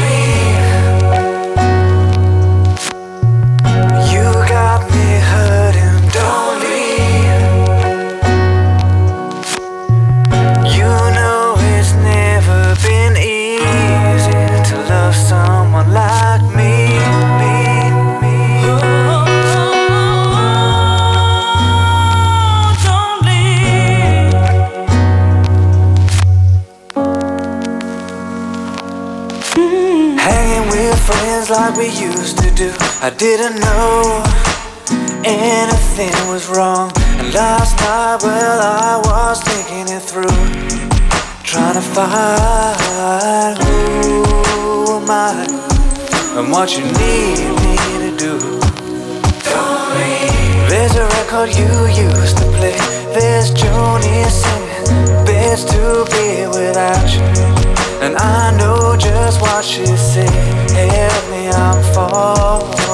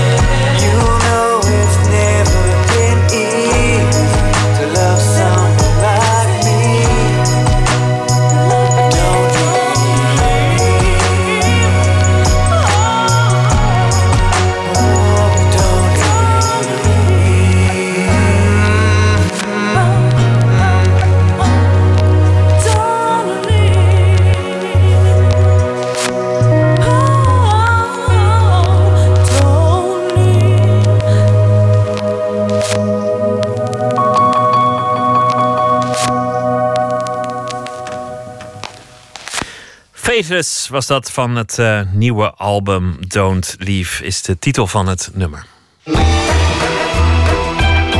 Nooit meer slapen. Zaterdag vindt op eh, verschillende locaties in Amsterdam het Brainwash Festival plaats. Talloze filosofen uit binnen- en buitenland zullen zich dan buigen over belangrijke vragen van onze tijd. Maar ook persoonlijke kwesties in ieders leven zullen aan bod komen. Een van de sprekers is filosoof Lammert Kamphuis. En hij geeft een workshop met de titel Hoe te leven met sterven. Hoe te leven met sterven. We krijgen vast een voorproefje. Verslaggever Tjitske Mussen heeft het opgenomen. Als je nou zou moeten kiezen tussen twee levensmotto's, um, welke van, van de volgende twee zou je dan kiezen? Uh, dat is dan uh, Carpe Diem, pluk de dag, of uh, Memento Mori, gedenk te sterven. Ehm. Ja, ze horen eigenlijk een beetje bij elkaar, toch? Ja, het is natuurlijk de bedoeling dat ik kies, hè? je moet kiezen. um, ja, nee, ja, ik denk dan toch, pluk de dag, want je weet dat het uh, voorbij kan zijn. -hmm, ja, dan is het grappig dat, jij, dat je meteen zegt, die twee die, die horen bij elkaar eigenlijk. Ja, waarom, waarom, zeg, waarom horen die volgens jou bij elkaar? Nou, persoonlijk ben ik, er eh, vrij, ben ik er vrij van bewust dat het, dat, het, uh, dat het zo voorbij kan zijn. Ja, precies. Ja, ja, en daarom wil je de, dag plukken. Ja. Precies. Ja. Het is leuk dat je dat zegt, want, want um, dat, dat Carpe Diem, dat, is een, uh, dat komt weg bij Horatius, een Romeinse schrijver. een Romeinse dichter eigenlijk. En die um, direct na, na zijn stukje Carpe Diem, pluk de dag, dat vervolgt hij ook met en reken zo min mogelijk op morgen. Dus pluk de dag wordt eigenlijk direct gevolgd met ja, reken erop dat je er morgen misschien niet meer bent. Dus uh, besef je dat je misschien zal sterven. En ik heb het idee dat, dat in, uh, in onze cultuur uh, dat je realiseren dat je eindigheid, dat je ook eindig bent en sterfelijk bent, dat dat niet zo heel populair is. In die zin ben ik misschien een atypische cursist van Lammert Kamphuis. We leven volgens hem in een anti-age cultuur. Niet alleen alle uh, en zalfjes zijn anti-age. Maar volgens mij is, is onze hele manier van leven anti-age. We willen wel oud worden, maar niet oud zijn. Dus we willen zo lang mogelijk uh, uh, jong blijven. Ik, ik, sprak, ik sprak laatst nog met mijn vader. Die zei toen, toen wij studeerden, toen wilden we op jonge leeftijd al heel graag oud lijken. Met, met baarden en pijpen en een driedelig zwart pak en zo. want dat gaf status. En nu is het volgens mij andersom. Nu willen we zo lang mogelijk jong blijven. Dus ook vijftigers lopen met uh, sneakers en uh, spijkerbroeken uh, rond. Maar ook in de muziek natuurlijk. Bij, bij een um, Forever Young, wat door Charlie Loners en Mental Theo... maar ook door Bob Dylan gezongen wordt. Um, en wat ik zelf ook een heel mooie illustratie daarvan vind... is het nummer My Generation van The Who. We willen niet, uh, we willen niet oud worden. Ik, ik, wil liever sterven voordat ik, uh, voordat ik oud word. Dus dat het, het, hele proces van veroudering... wat in andere culturen juist ook gezien wordt als een manier... om meer wijsheid op te doen of, of uh, ook meer van het leven te kunnen genieten. ik denk dat, dat wij in het Westen daar nogal een... Um, vooral een haatverhouding mee hebben. Of een soort taboe-verhouding. Maar dat is dus niet wat de filosofen ons leren. De Duitse filosoof Heidegger zegt... die zegt, die, die angst voor de dood... dat is ook wel in het menselijk bestaan een van de meest bepalende, uh, bepalende gegevens die er is. Dat we, dat we wel weten dat we um, er ooit aangaan, maar, maar niet weten wanneer. En ook niet, helemaal al niet weten wat er dan daarna komt. En, en Heidegger die uh, verklaart aan de hand daarvan ook uh, alle mogelijke vormen van cultuur en religie. Hij zegt eigenlijk zijn we constant op weg om ons daar niet mee bezig te hoeven houden met die dood. Dus zijn we andere dingen aan het verzinnen om ons af te leiden of om die dood te proberen te, te overwinnen of minder schadelijk te maken. Um, maar hij raadt aan, en, en dat is eigenlijk een, een, geluid wat je heel erg in de filosofie uh, terug hoort komen.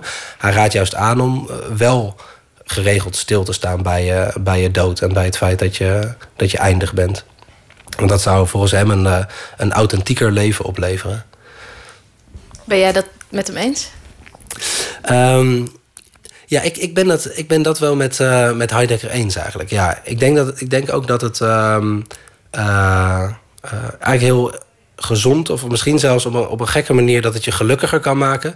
als je met enige regelmaat aan, um, aan het feit herinnerd wordt dat je sterfelijk bent. Eigenlijk wat jij net ook zei, van dat, dat pluk de dag en gedenk te sterven, dat ligt misschien heel dicht bij elkaar. Dus het, juist het besef dat je eindig bent, kan je ook ehm, helpen om, uh, om meer van het leven juist te genieten. Of, of bewuster van het leven te, te genieten.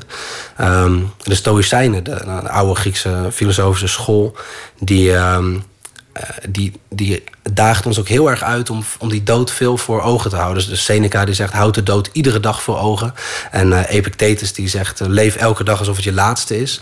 Juist omdat het ons volgens hen gelukkiger zou maken. Lambert Kamphuis nam de proef op de som. Eerst leefde hij een maand alsof elke dag zijn laatste was. Ik heb iedere ochtend na het douchen tegen mezelf gezegd... Lammert, dit zou wel eens je laatste dag kunnen zijn. En, en, en, dan, uh, en dan de dag in. Um, en, en dat heeft me best wel veel opgeleverd, moet ik zeggen. Dat is, dat, allereerst leerde het me heel erg dingen relativeren die er niet echt toe doen.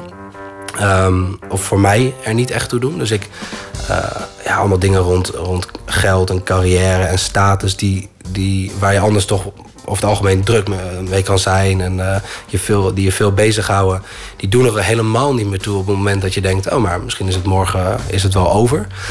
Dus het hielp me relativeren en, en, en aandacht besteden aan dingen die ertoe doen. Maar ik, ik merkte ook dat ik veel milder werd eigenlijk richting anderen. En nu is hij bezig om een maand te leven alsof iedere dag zijn eerste is vanuit het idee wat Plato uh, zegt. Die zegt, uh, filosofie ontstaat vanuit de verwondering. Dat je, uh, dat je dingen, ook die je al heel lang kent... toch weer opnieuw bekijkt. Of met nieuwe ogen, met nieuwe ogen bekijkt. Dat vind ik moeilijker om dat um, s ochtends tegen mezelf te zeggen. Of om dat bewust te zijn. Dat het je, ik, ik merk zelf als je op vakantie bent geweest... Dan heb, je, dan heb je vaak even zo'n blik dat je alles opnieuw bekijkt. Dan kom je ook in je eigen straat. En dan, uh, omdat je dan een, paar weken lang heel nieuwsgierig bent geweest en uh, um, alles in je opgenomen hebt, dan heb je die blik of die bril nog op van alles willen in je op willen nemen. Um, zoals Spinvis noemt dat. Um, erf de ogen van je kind, kijk erdoor.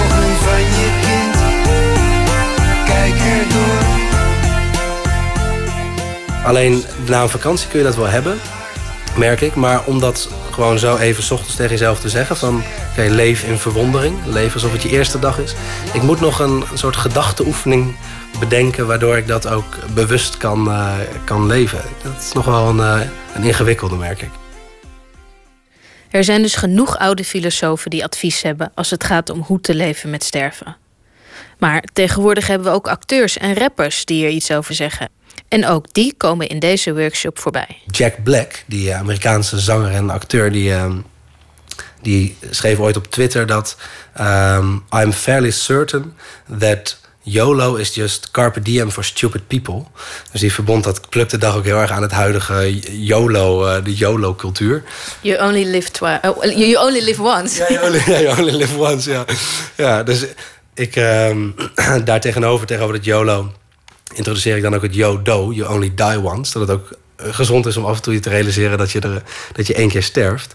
En bij, dat, bij die YOLO-cultuur, zeg maar bij die, om zo maar te zeggen, bij die interpretatie van Carpe Diem, past natuurlijk ook helemaal niet uh, dat je een beetje moeizaam gaan lopen bezinnen op de dood. Want dat, uh, YOLO is toch. YOLO komt uit, uh, komt uit een nummer van Drake, die rapper, de motto. You already know though, you only live once, that's the motto, nigga, YOLO, and we bout it. Ik dacht, laten eens kijken waar dat eigenlijk nou, wat de context is van dat YOLO. En dat blijkt dus heel erg te gaan over, um, nou ja, het fucken van bitches. En, en dat is een. Uh, de mensen die kritiek op hem hebben, toch niet kan zien. Want hij heeft zo'n grote berg geld, uh, geld dat hij ze niet kan aankijken. Iets van. Fuck what anybody say, can't see them because the money in the way. Dus nou, dat, dat is natuurlijk heel erg die YOLO-sfeer van niks aantrekken van anderen, experimenteren, nieuwe dingen doen, avonturen op gaan opzoeken. Maar het interessante is dus om te zien dat dat oorspronkelijke Carpe Diem heel erg verbonden is aan juist dat besef van, uh, van sterfelijkheid. En, uh, uh, en dat pluk de dag, dat het, het, bewust genieten van je leven... helemaal niet um, tegenover het denken aan je sterfelijkheid staat. Van, ja, pluk de dag gaat over vrolijkheid en genieten. En bewustzijn van je sterfelijkheid... dat um, gaat alleen maar over een beetje moeizaam, depressief lopen zijn. Maar bij Horatius liggen die twee echt in elkaars verlengde. En dan, dan zou dus het, het denken aan de dood zou op de een of andere manier zelfs uh, ja, de sfeer kunnen verhogen. Of uh, ervoor kunnen zorgen dat je meer uh, van het leven geniet. Dus jij pleit eigenlijk voor een herinvoering van Horatius wijsheden... en dan in de vorm van YOLO meets Yodo. Ja, ja dat is eigenlijk een heel een mooie samenvatting van, van wat, ik, wat ik tijdens die klas probeer, probeer te bespreken met mensen. Ja. Now she want a photo, you already know though. You only live once, that's the motto, nigga. YOLO, and we bout it every day, every day, every day. Like we sitting on the bench, nigga. We don't really play every day, every day. Fuck what anybody say, can't see him cause the money in the way. Tjitske in gesprek met filosoof Lammert Kamphuis over de workshop Hoe te leven met sterven. Aanstaande zaterdag zal die plaatsvinden tijdens het Brainwash Festival in Amsterdam. Mede mogelijk gemaakt door The School of Life en door de Human. Guy Carvey is de zanger van de Britse band Elbow. Binnenkort verschijnt zijn eerste eigen plaat met als titel Korting the Squall. En daarvan draaien we het nummer Unwind.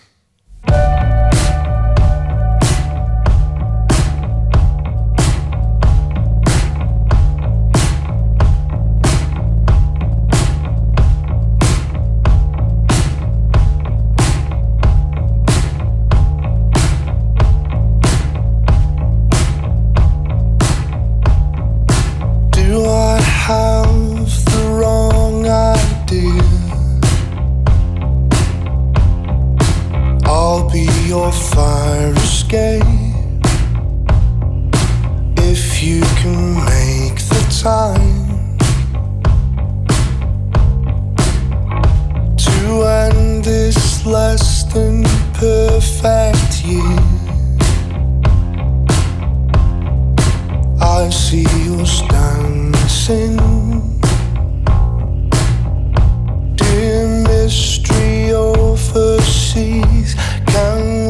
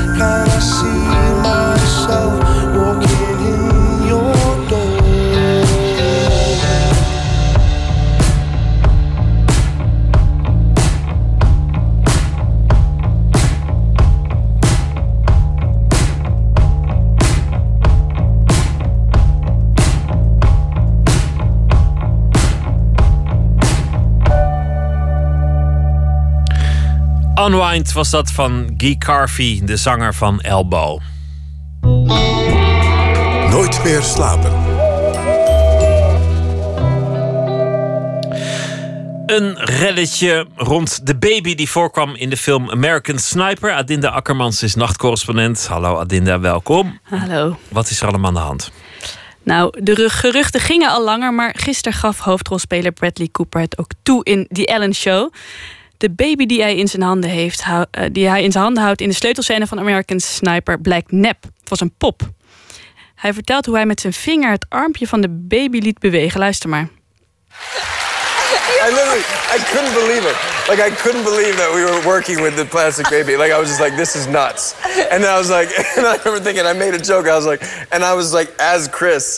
so I'm like, I can't even do it anymore. But it was, I was like, I'm going to save you all like $100,000. And then I was like, just start doing this with it. Because, you know, you have to CGI the hand moving. I was like, watch this. Eat your heart out, And you're being so serious and your thumb is moving. American Sniper. Vertel eerst even heel in het kort wat voor, wat voor film het is. Een film van Clint Eastwood. Een, een blockbuster, een miljoenenfilm. Over een scherpschutter in de Irak-oorlog. En eh, ja, in deze scène houdt hij die baby vast alsof het echt is. En hij doet het eigenlijk best wel goed. Maar je ziet echt heel duidelijk dat het een pop is. En eh, eh, dat is eigenlijk best vreemd, inderdaad, voor zo'n blockbuster. Omdat, omdat ja, kosten nog moeite gespaard. Dan kan je ook vast wel ergens een baby vandaan halen. Ja, dat zou je denken. En eh, op een gegeven moment verscheen er op Twitter een eh, tweet van de schrijver van American Sniper. Die schreef van, eh, dat de eerste baby ziek bleek te zijn en de tweede baby kwam niet opdagen. Nou ja, toen moest hij het doen met een pop. Regisseur Clint Eastwood. Maar die tweet werd weer verwijderd. En nu is het officiële verhaal dat baby's te onvoorspelbaar zouden zijn. Nou, daar kan ik me wel iets bij voorstellen. Ik bedoel, dan wil je draaien en zo'n draaidag is duur. En dan is iedereen klaar op te zetten en dan begint dat ding eh, te janken. Ik kan me eigenlijk wel voorstellen dat je voor een pop kiest.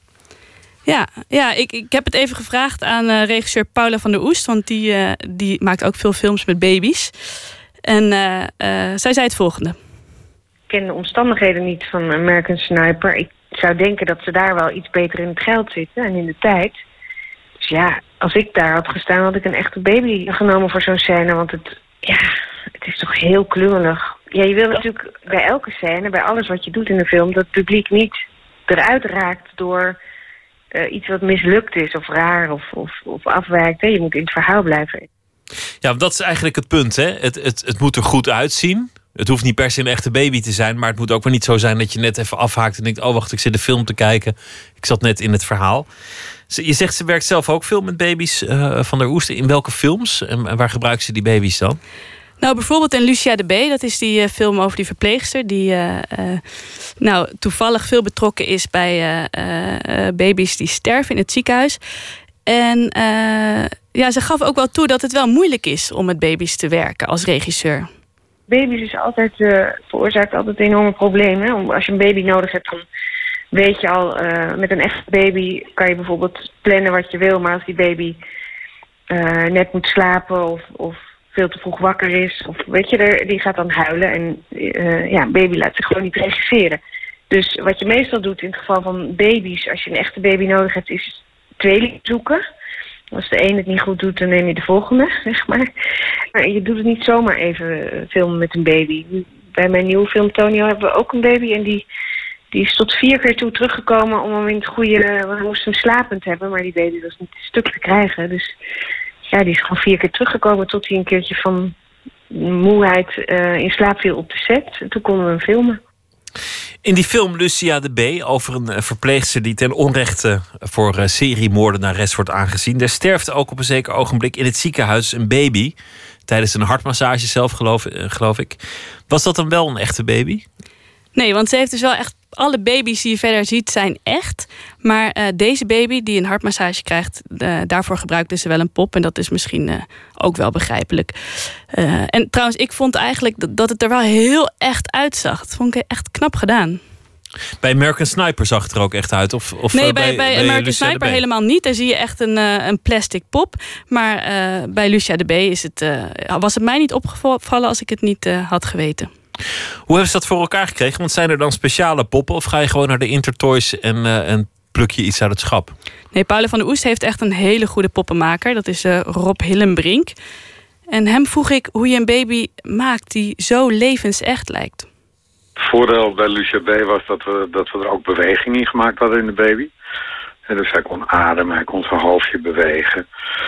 Uh, die werd radiografisch bestuurd. Dus dat is echt een, een mini-robotje. Maar het allerbelangrijkste is wel de look en de flexibiliteit eigenlijk.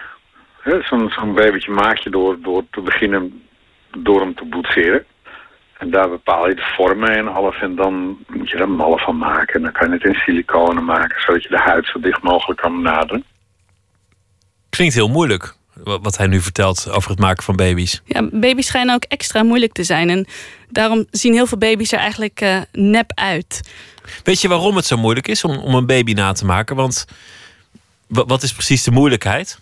Ja, dat is precies eigenlijk wat ik hem ook vroeg.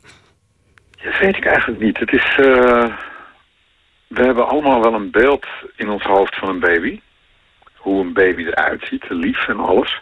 Maar als je dan daadwerkelijk moet gaan kijken wat de verhoudingen zijn en hoe het allemaal in elkaar steekt, dan is dat nogal anders als dat je je eigenlijk in je hoofd voorstelt. Er zijn veel verschillende baby's. Het belangrijkste is dat je eigenlijk als je, als je het boetseert, is dat je zoveel mogelijk naar het beeld komt wat mensen in hun hoofd hebben van wat een lief baby is. Als ik werk, dan heb ik altijd heel veel foto's om me heen. Van als ik dan een babytje moet maken, dan ik heel veel foto's van baby's om me heen. En daar, daar kijk je gewoon heel goed naar van wat zijn nou karakteristieke dingen van een baby. Heb je Rob Hillenbrink ook kunnen vragen wat, wat hij vond van de baby in American Sniper? Had hij die toevallig gezien? Ja, hij uh, uh, moest een beetje lachen toen ik er naar vroeg. Want uh, al ver voordat de film in de bioscoop kwam, was het een hot topic onder alle poppenmakers over de hele wereld. Want wat was er toch misgegaan dat ze een plastic pop gebruikten? Dat was echt een grote discussie in deze groep. Wij weten verdomme goed hoe het werkt bij de film. Dus, dus er moet iets gebeurd zijn waardoor er paniek is geweest... waardoor ze hebben gezegd, nou pak die plastic babypop maar. Maar het is een pijnlijk, pijnlijk dingetje. Zo zie je ook maar hoe moeilijk film maken is. Hè? Want, want je hebt dan een, een topcast en een topregisseur... en alle locaties zijn goed en een script is honderd keer naar gekeken... en dan kan opeens zo'n klein detail, de baby... kan toch eigenlijk een film ontwrichten. Kan je noem, toch noem het maar een klein detail. Nou ja, ik bedoel, het is. Ja, voor wie een baby heeft, is nooit een klein detail. Maar je bedoel, je kan toch als kijker naar huis gaan en denken: hmm, die film was het niet helemaal. Ja, het schijnt ook dat, dat uh, op een gegeven moment uh, deze film uh, in de running was voor de Oscars. Maar dat die baby wel een belemmerende factor was. Het zijn altijd leuk, dit soort filmverhalen. Ook over de haai in Jaws die er, die er nooit kwam. En over het, het hoofd in de lift had ik laatst nog een leuke anekdote van Huub Stapel. Over hoe vaak die kop die liftschachten in moest, in moest rollen. En hoe mis dat ging. Filmmaken is volgens mij toch een rotvak. Dankjewel, Adinda Akkermans. Graag gedaan.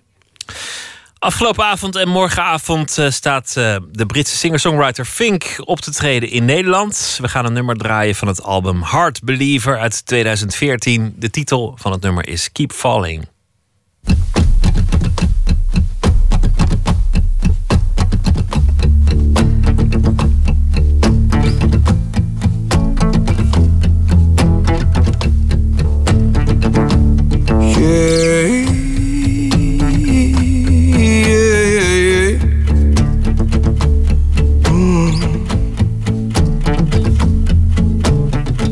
Wanna know what I'm thinking? Why I can't sleep at night. Wanna know what I'm drinking? Double love and nothing's fine. Cause I'm alright now. Cause I'm alright. I'm alright. Mm. Wanna know what it feel like to be so far from home. I've been on the wrong side, baby, for so long that it feel right now, and it feel right, it feel right. Mm. We keep falling until you can't fall no more, until you feel like You've been falling for way too long. Then you will know about me, baby. You'll know about me. Then you will know.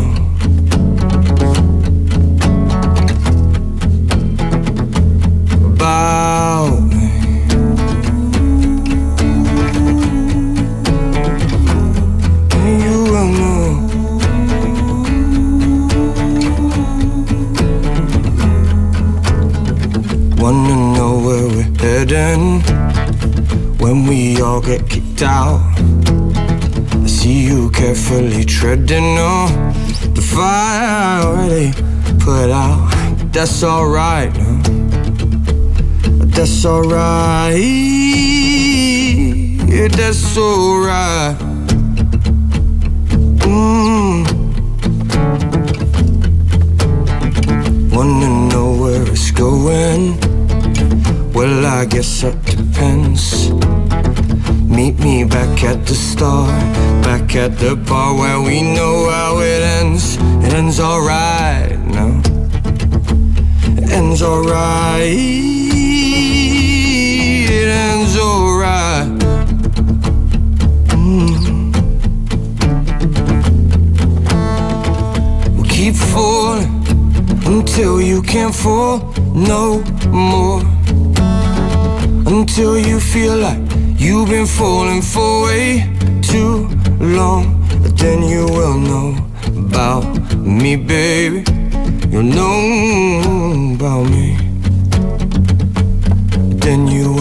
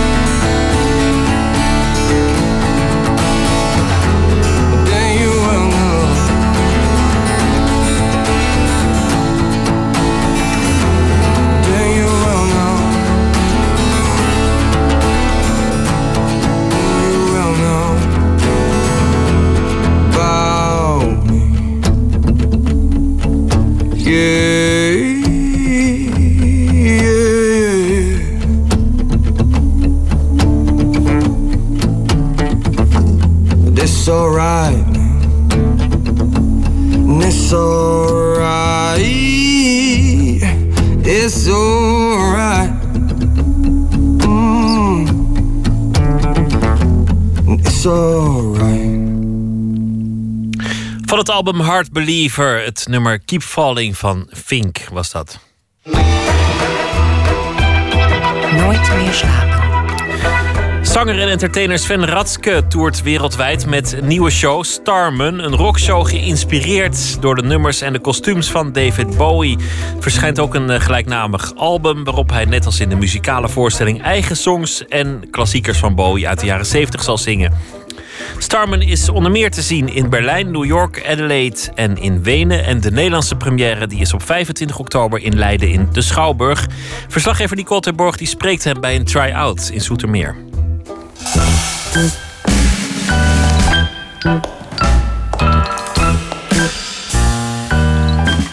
Ik moet gewoon optreden. Ik kan niet. eh, eh, ik heb al een week. eh, als ik dan niks doe, dan, of niet optreed, dan krijg ik al ah, kriebels.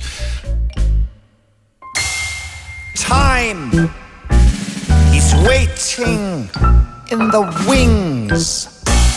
He speaks of. Daar zitten heel veel raadsels in. En raadsels zijn gewoon interessant. Ehm, niets is heel erg duidelijk. En je kunt een eigen interpretatie daaraan geven. Natuurlijk, en eh, daar heb je het al over het androgyne... dat iemand dat uitstraalt. Over eh, verschillende stijlen in, in, in de muziek. Zich steeds weer nieuw uitvinden. Dat is wel ook iets wat, wat ons verbindt. Ik doe nooit tien jaar lang hetzelfde... omdat ik daar zo'n succes mee heb. Dat vind ik gewoon saai. Ik ga graag een risico in. In quaaludes and red wine, demanding Billy dolls. Dit, zijn, dit is van mijn huisschoenenmaker Jan Jansen. World famous schoenenmaker. En die man is, ja, die is gewoon een, ge- een genie. En die maakt gewoon elke voorstelling van mijn schoenen. Maar ja, heb je dit soort schoenen wel eens gezien? Die je Blauwe, blauwe laarzen. van stof, hè? Dat is van dezelfde stof gemaakt als mijn broek. Dus dat is echte stof. Enorme hak trouwens. Hoeveel centimeter? Geen idee, maar ik kan er heerlijk op lopen.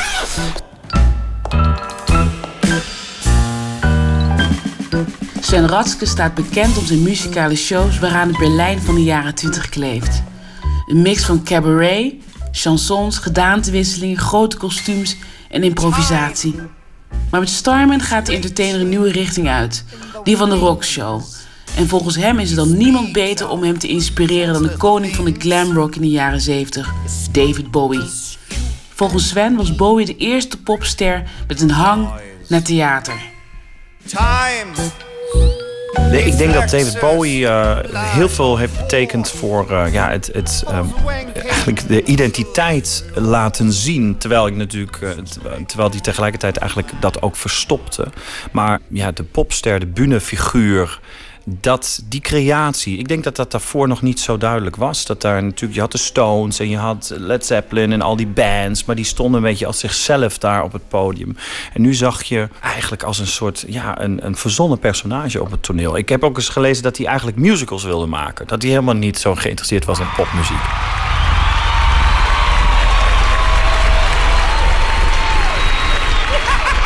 Cultuurhistorisch gezien wat hij heeft betekend. De hele glamrock beweging die uit hem, met hem is ontstaan, maar ook door hem is ontstaan. Nou, ik denk dat hij natuurlijk de hele eh, muziekgeschiedenis heeft omver gegooid. Dat hij in de jaren 70 een tour gedaan in Amerika met een enorm decor. Met allemaal Broadway mensen die dat stage hadden ontworpen. En hij had allemaal wisselende kostuums en zo. Dat had nog nooit iemand gedaan. Dus dat je inderdaad een show opvoert. Dat je niet alleen maar, dat het niet alleen maar om de muziek gaat. Kids and loose, hard to swallow. Fame. Puts you there where things are hollow. Je zit voor de visagiespiegel hè, met allemaal lampjes. Je hebt een eh, soort eh, n- panty op je hoofd met speltjes. En eh, roze oogschaduw. En we zien hier rechts een rode pruik. Wat moet er allemaal nog gebeuren voordat je straks het podium kan eh, beklimmen? Nou, eerst mijn tanden poetsen natuurlijk. ik heb net gegeten. Nee, en dan moet ik zo... Ik heb nu al eh, make-up op, inderdaad. En, ehm, ehm, en dan ga ik dat pruik opdoen. En dat is een, heel mooi... Ja, dat is echt haar. Ja, niet mensenhaar, maar buffelhaar. Dat, dat is speciaal voor mij, mij gemaakt in deze voorstelling. Omdat ehm, ehm, ik moest natuurlijk iets hebben wat, wat heel degelijk is. En wat ik, eh, want ik beweeg heel veel op het podium en heel veel energie. Love, you're not alone.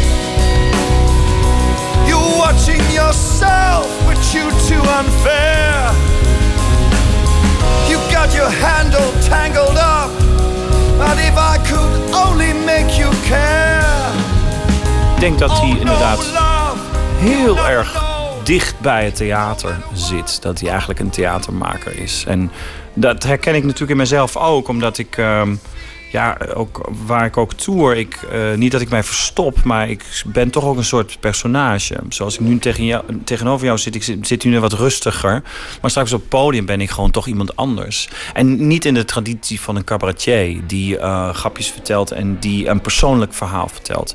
Natuurlijk zit daar heel veel persoonlijkheid in, maar dat zit er denk ik eerder in het gevoel wat ik uitdraag. Lekker, en doe maar lekker strak. Om de polsen heen wordt nu iets eh, kijk, dat zijn, gezet. Zo kan ik goed landen. Oh, heerlijk die geluiden allemaal. Enorme polsbanden gaan nu om met eh, flappen. Kijk, ik zou zo kunnen landen, toch? Kun je hem nog iets strakker? Ja, het is, heeft ze nog niet gedaan. Wat gaat er nu gebeuren?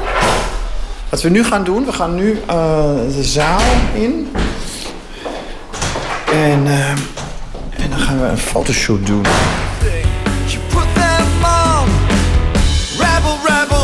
Torn your dress. Rebel, rebel, your face is a mess. Rebel, rebel, how could they know? How. De show is begonnen. Gekleed in een strakke donkerblauwe broek en dezelfde kleur laarzen staat Sven op het podium. Als een rockster zingt hij met live band en tussen de nummers door vertelt hij een verhaal en raakt het publiek letterlijk aan.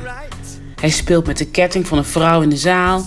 Hij gaat op iemands schoot zitten, likt zijn hand en plukt daarna iemands haar om vervolgens verder te zingen. Like dancing and we look divine. En wat je nu ziet is dat wij de muziek van Bowie hebben genomen. Maar de voorstelling gaat maar indirect over hem. Dus je ziet mij als entertainer, als een soort starman die een reis maakt met het publiek en die muziek van Bowie gebruikt en ook eigen muziek gebruikt. En die muziek van Bowie is, ja, denk ik zo, als je hem nog niet eerder hebt gehoord, of in ieder geval toch wel anders, zonder dat het nou allemaal smartlappen zijn geworden of zo. Want het is zo'n rijk repertoire. Het is eigenlijk net als de Beatles of, of uh, Mozart, waar je iets mee kan doen. Ben jij fan van David Bowie? Nee, absoluut niet. Ik denk ook dat dat niet zo gezond is. Omdat dat je dan. Ik heb natuurlijk door de voorstellingen heel veel research op een gegeven moment gedaan. En dat ook helemaal verworpen. Omdat ik op een gegeven moment. Ik, er was een fase dat ik hem. Uh, even, wauw, dit is echt geweldig. En toen ook even, wauw, wat vreselijk. Dus ik heb, ben alles doorlopen eigenlijk. There's a starman waiting in the sky. He'd like to come and meet us. But he thinks he blows our minds. There's a starman waiting in the sky.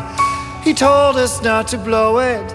Cause he knows it's all worth Nummer Starman, de titeltrack, um, natuurlijk een heel, um, heel bekend. En heeft, was ook echt zijn doorbraak. Uh, dat is een beroemde beeld waar hij bij de BBC dan zat te zingen met, met zijn gitarist. En, en dat homoerotisch en mensen waren echt in shock. En dat was een, ja, er gebeurde gewoon iets.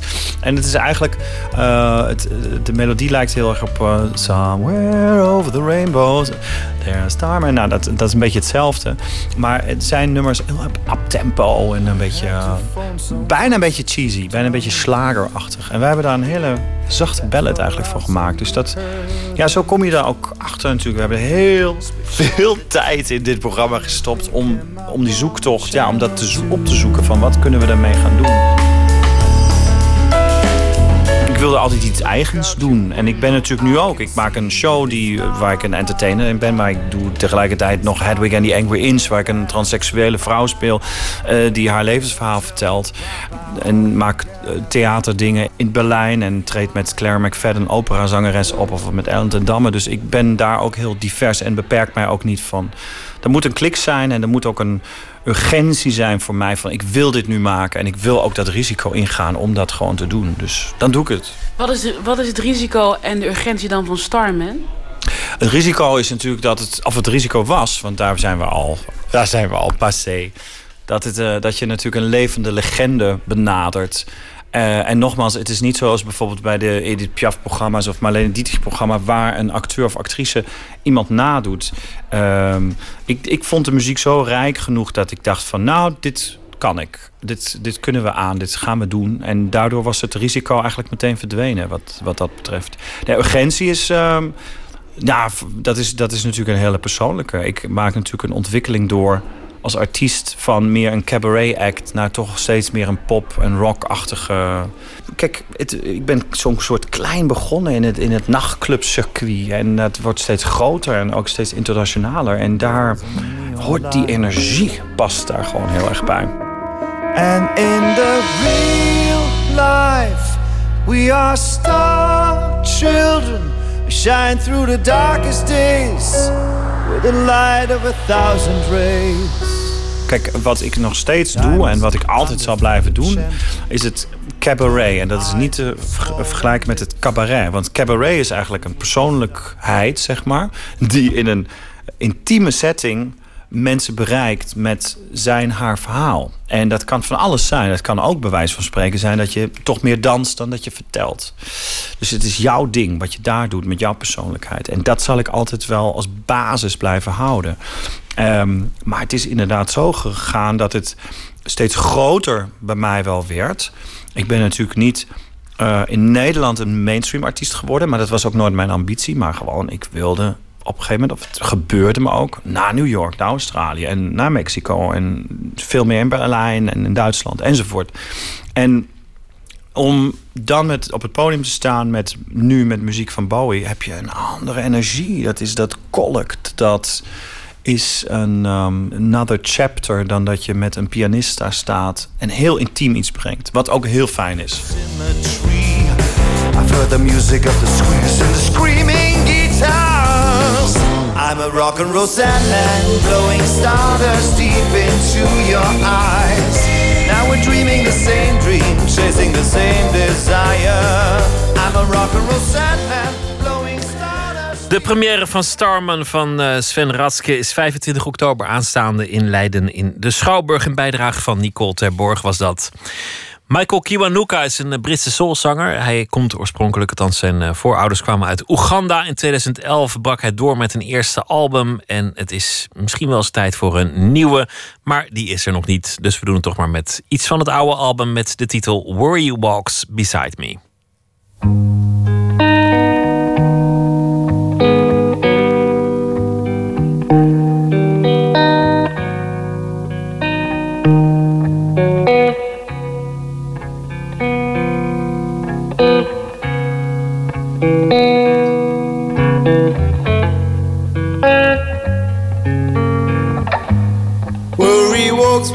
Beside me every day. They say I should run, but it's coming my way. I'll be doing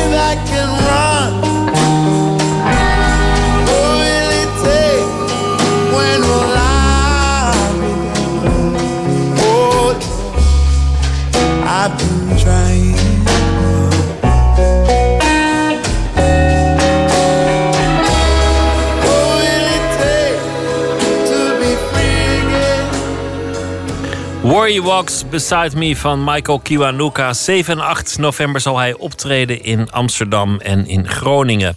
Carlien Dekker is eh, dichteres, geldt als een groot talent in de poëzie. Debuteerde met de bundel Daarom ben ik hier. Deze week kiest ze elke nacht een gedicht om voor te dragen. Een titeloos gedicht vannacht van Boris Risky.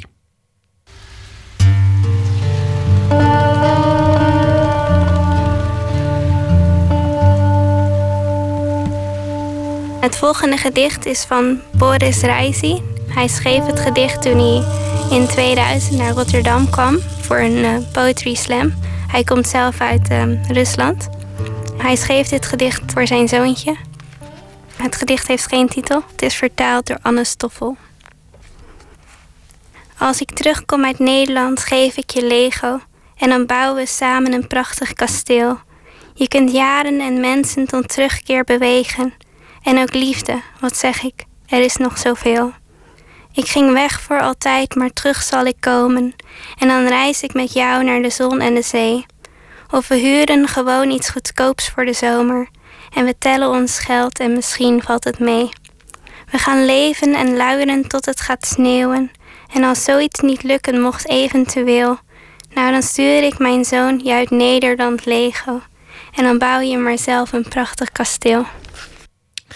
Een gedicht van Boris Reis hier gelezen door Carlien Dekker. Morgen, dan is Nooit meer slapen er weer. Ik hoop dat u dan weer luistert. Voor nu een hele goede nacht. Morgen een leuke dag en graag weer tot morgen.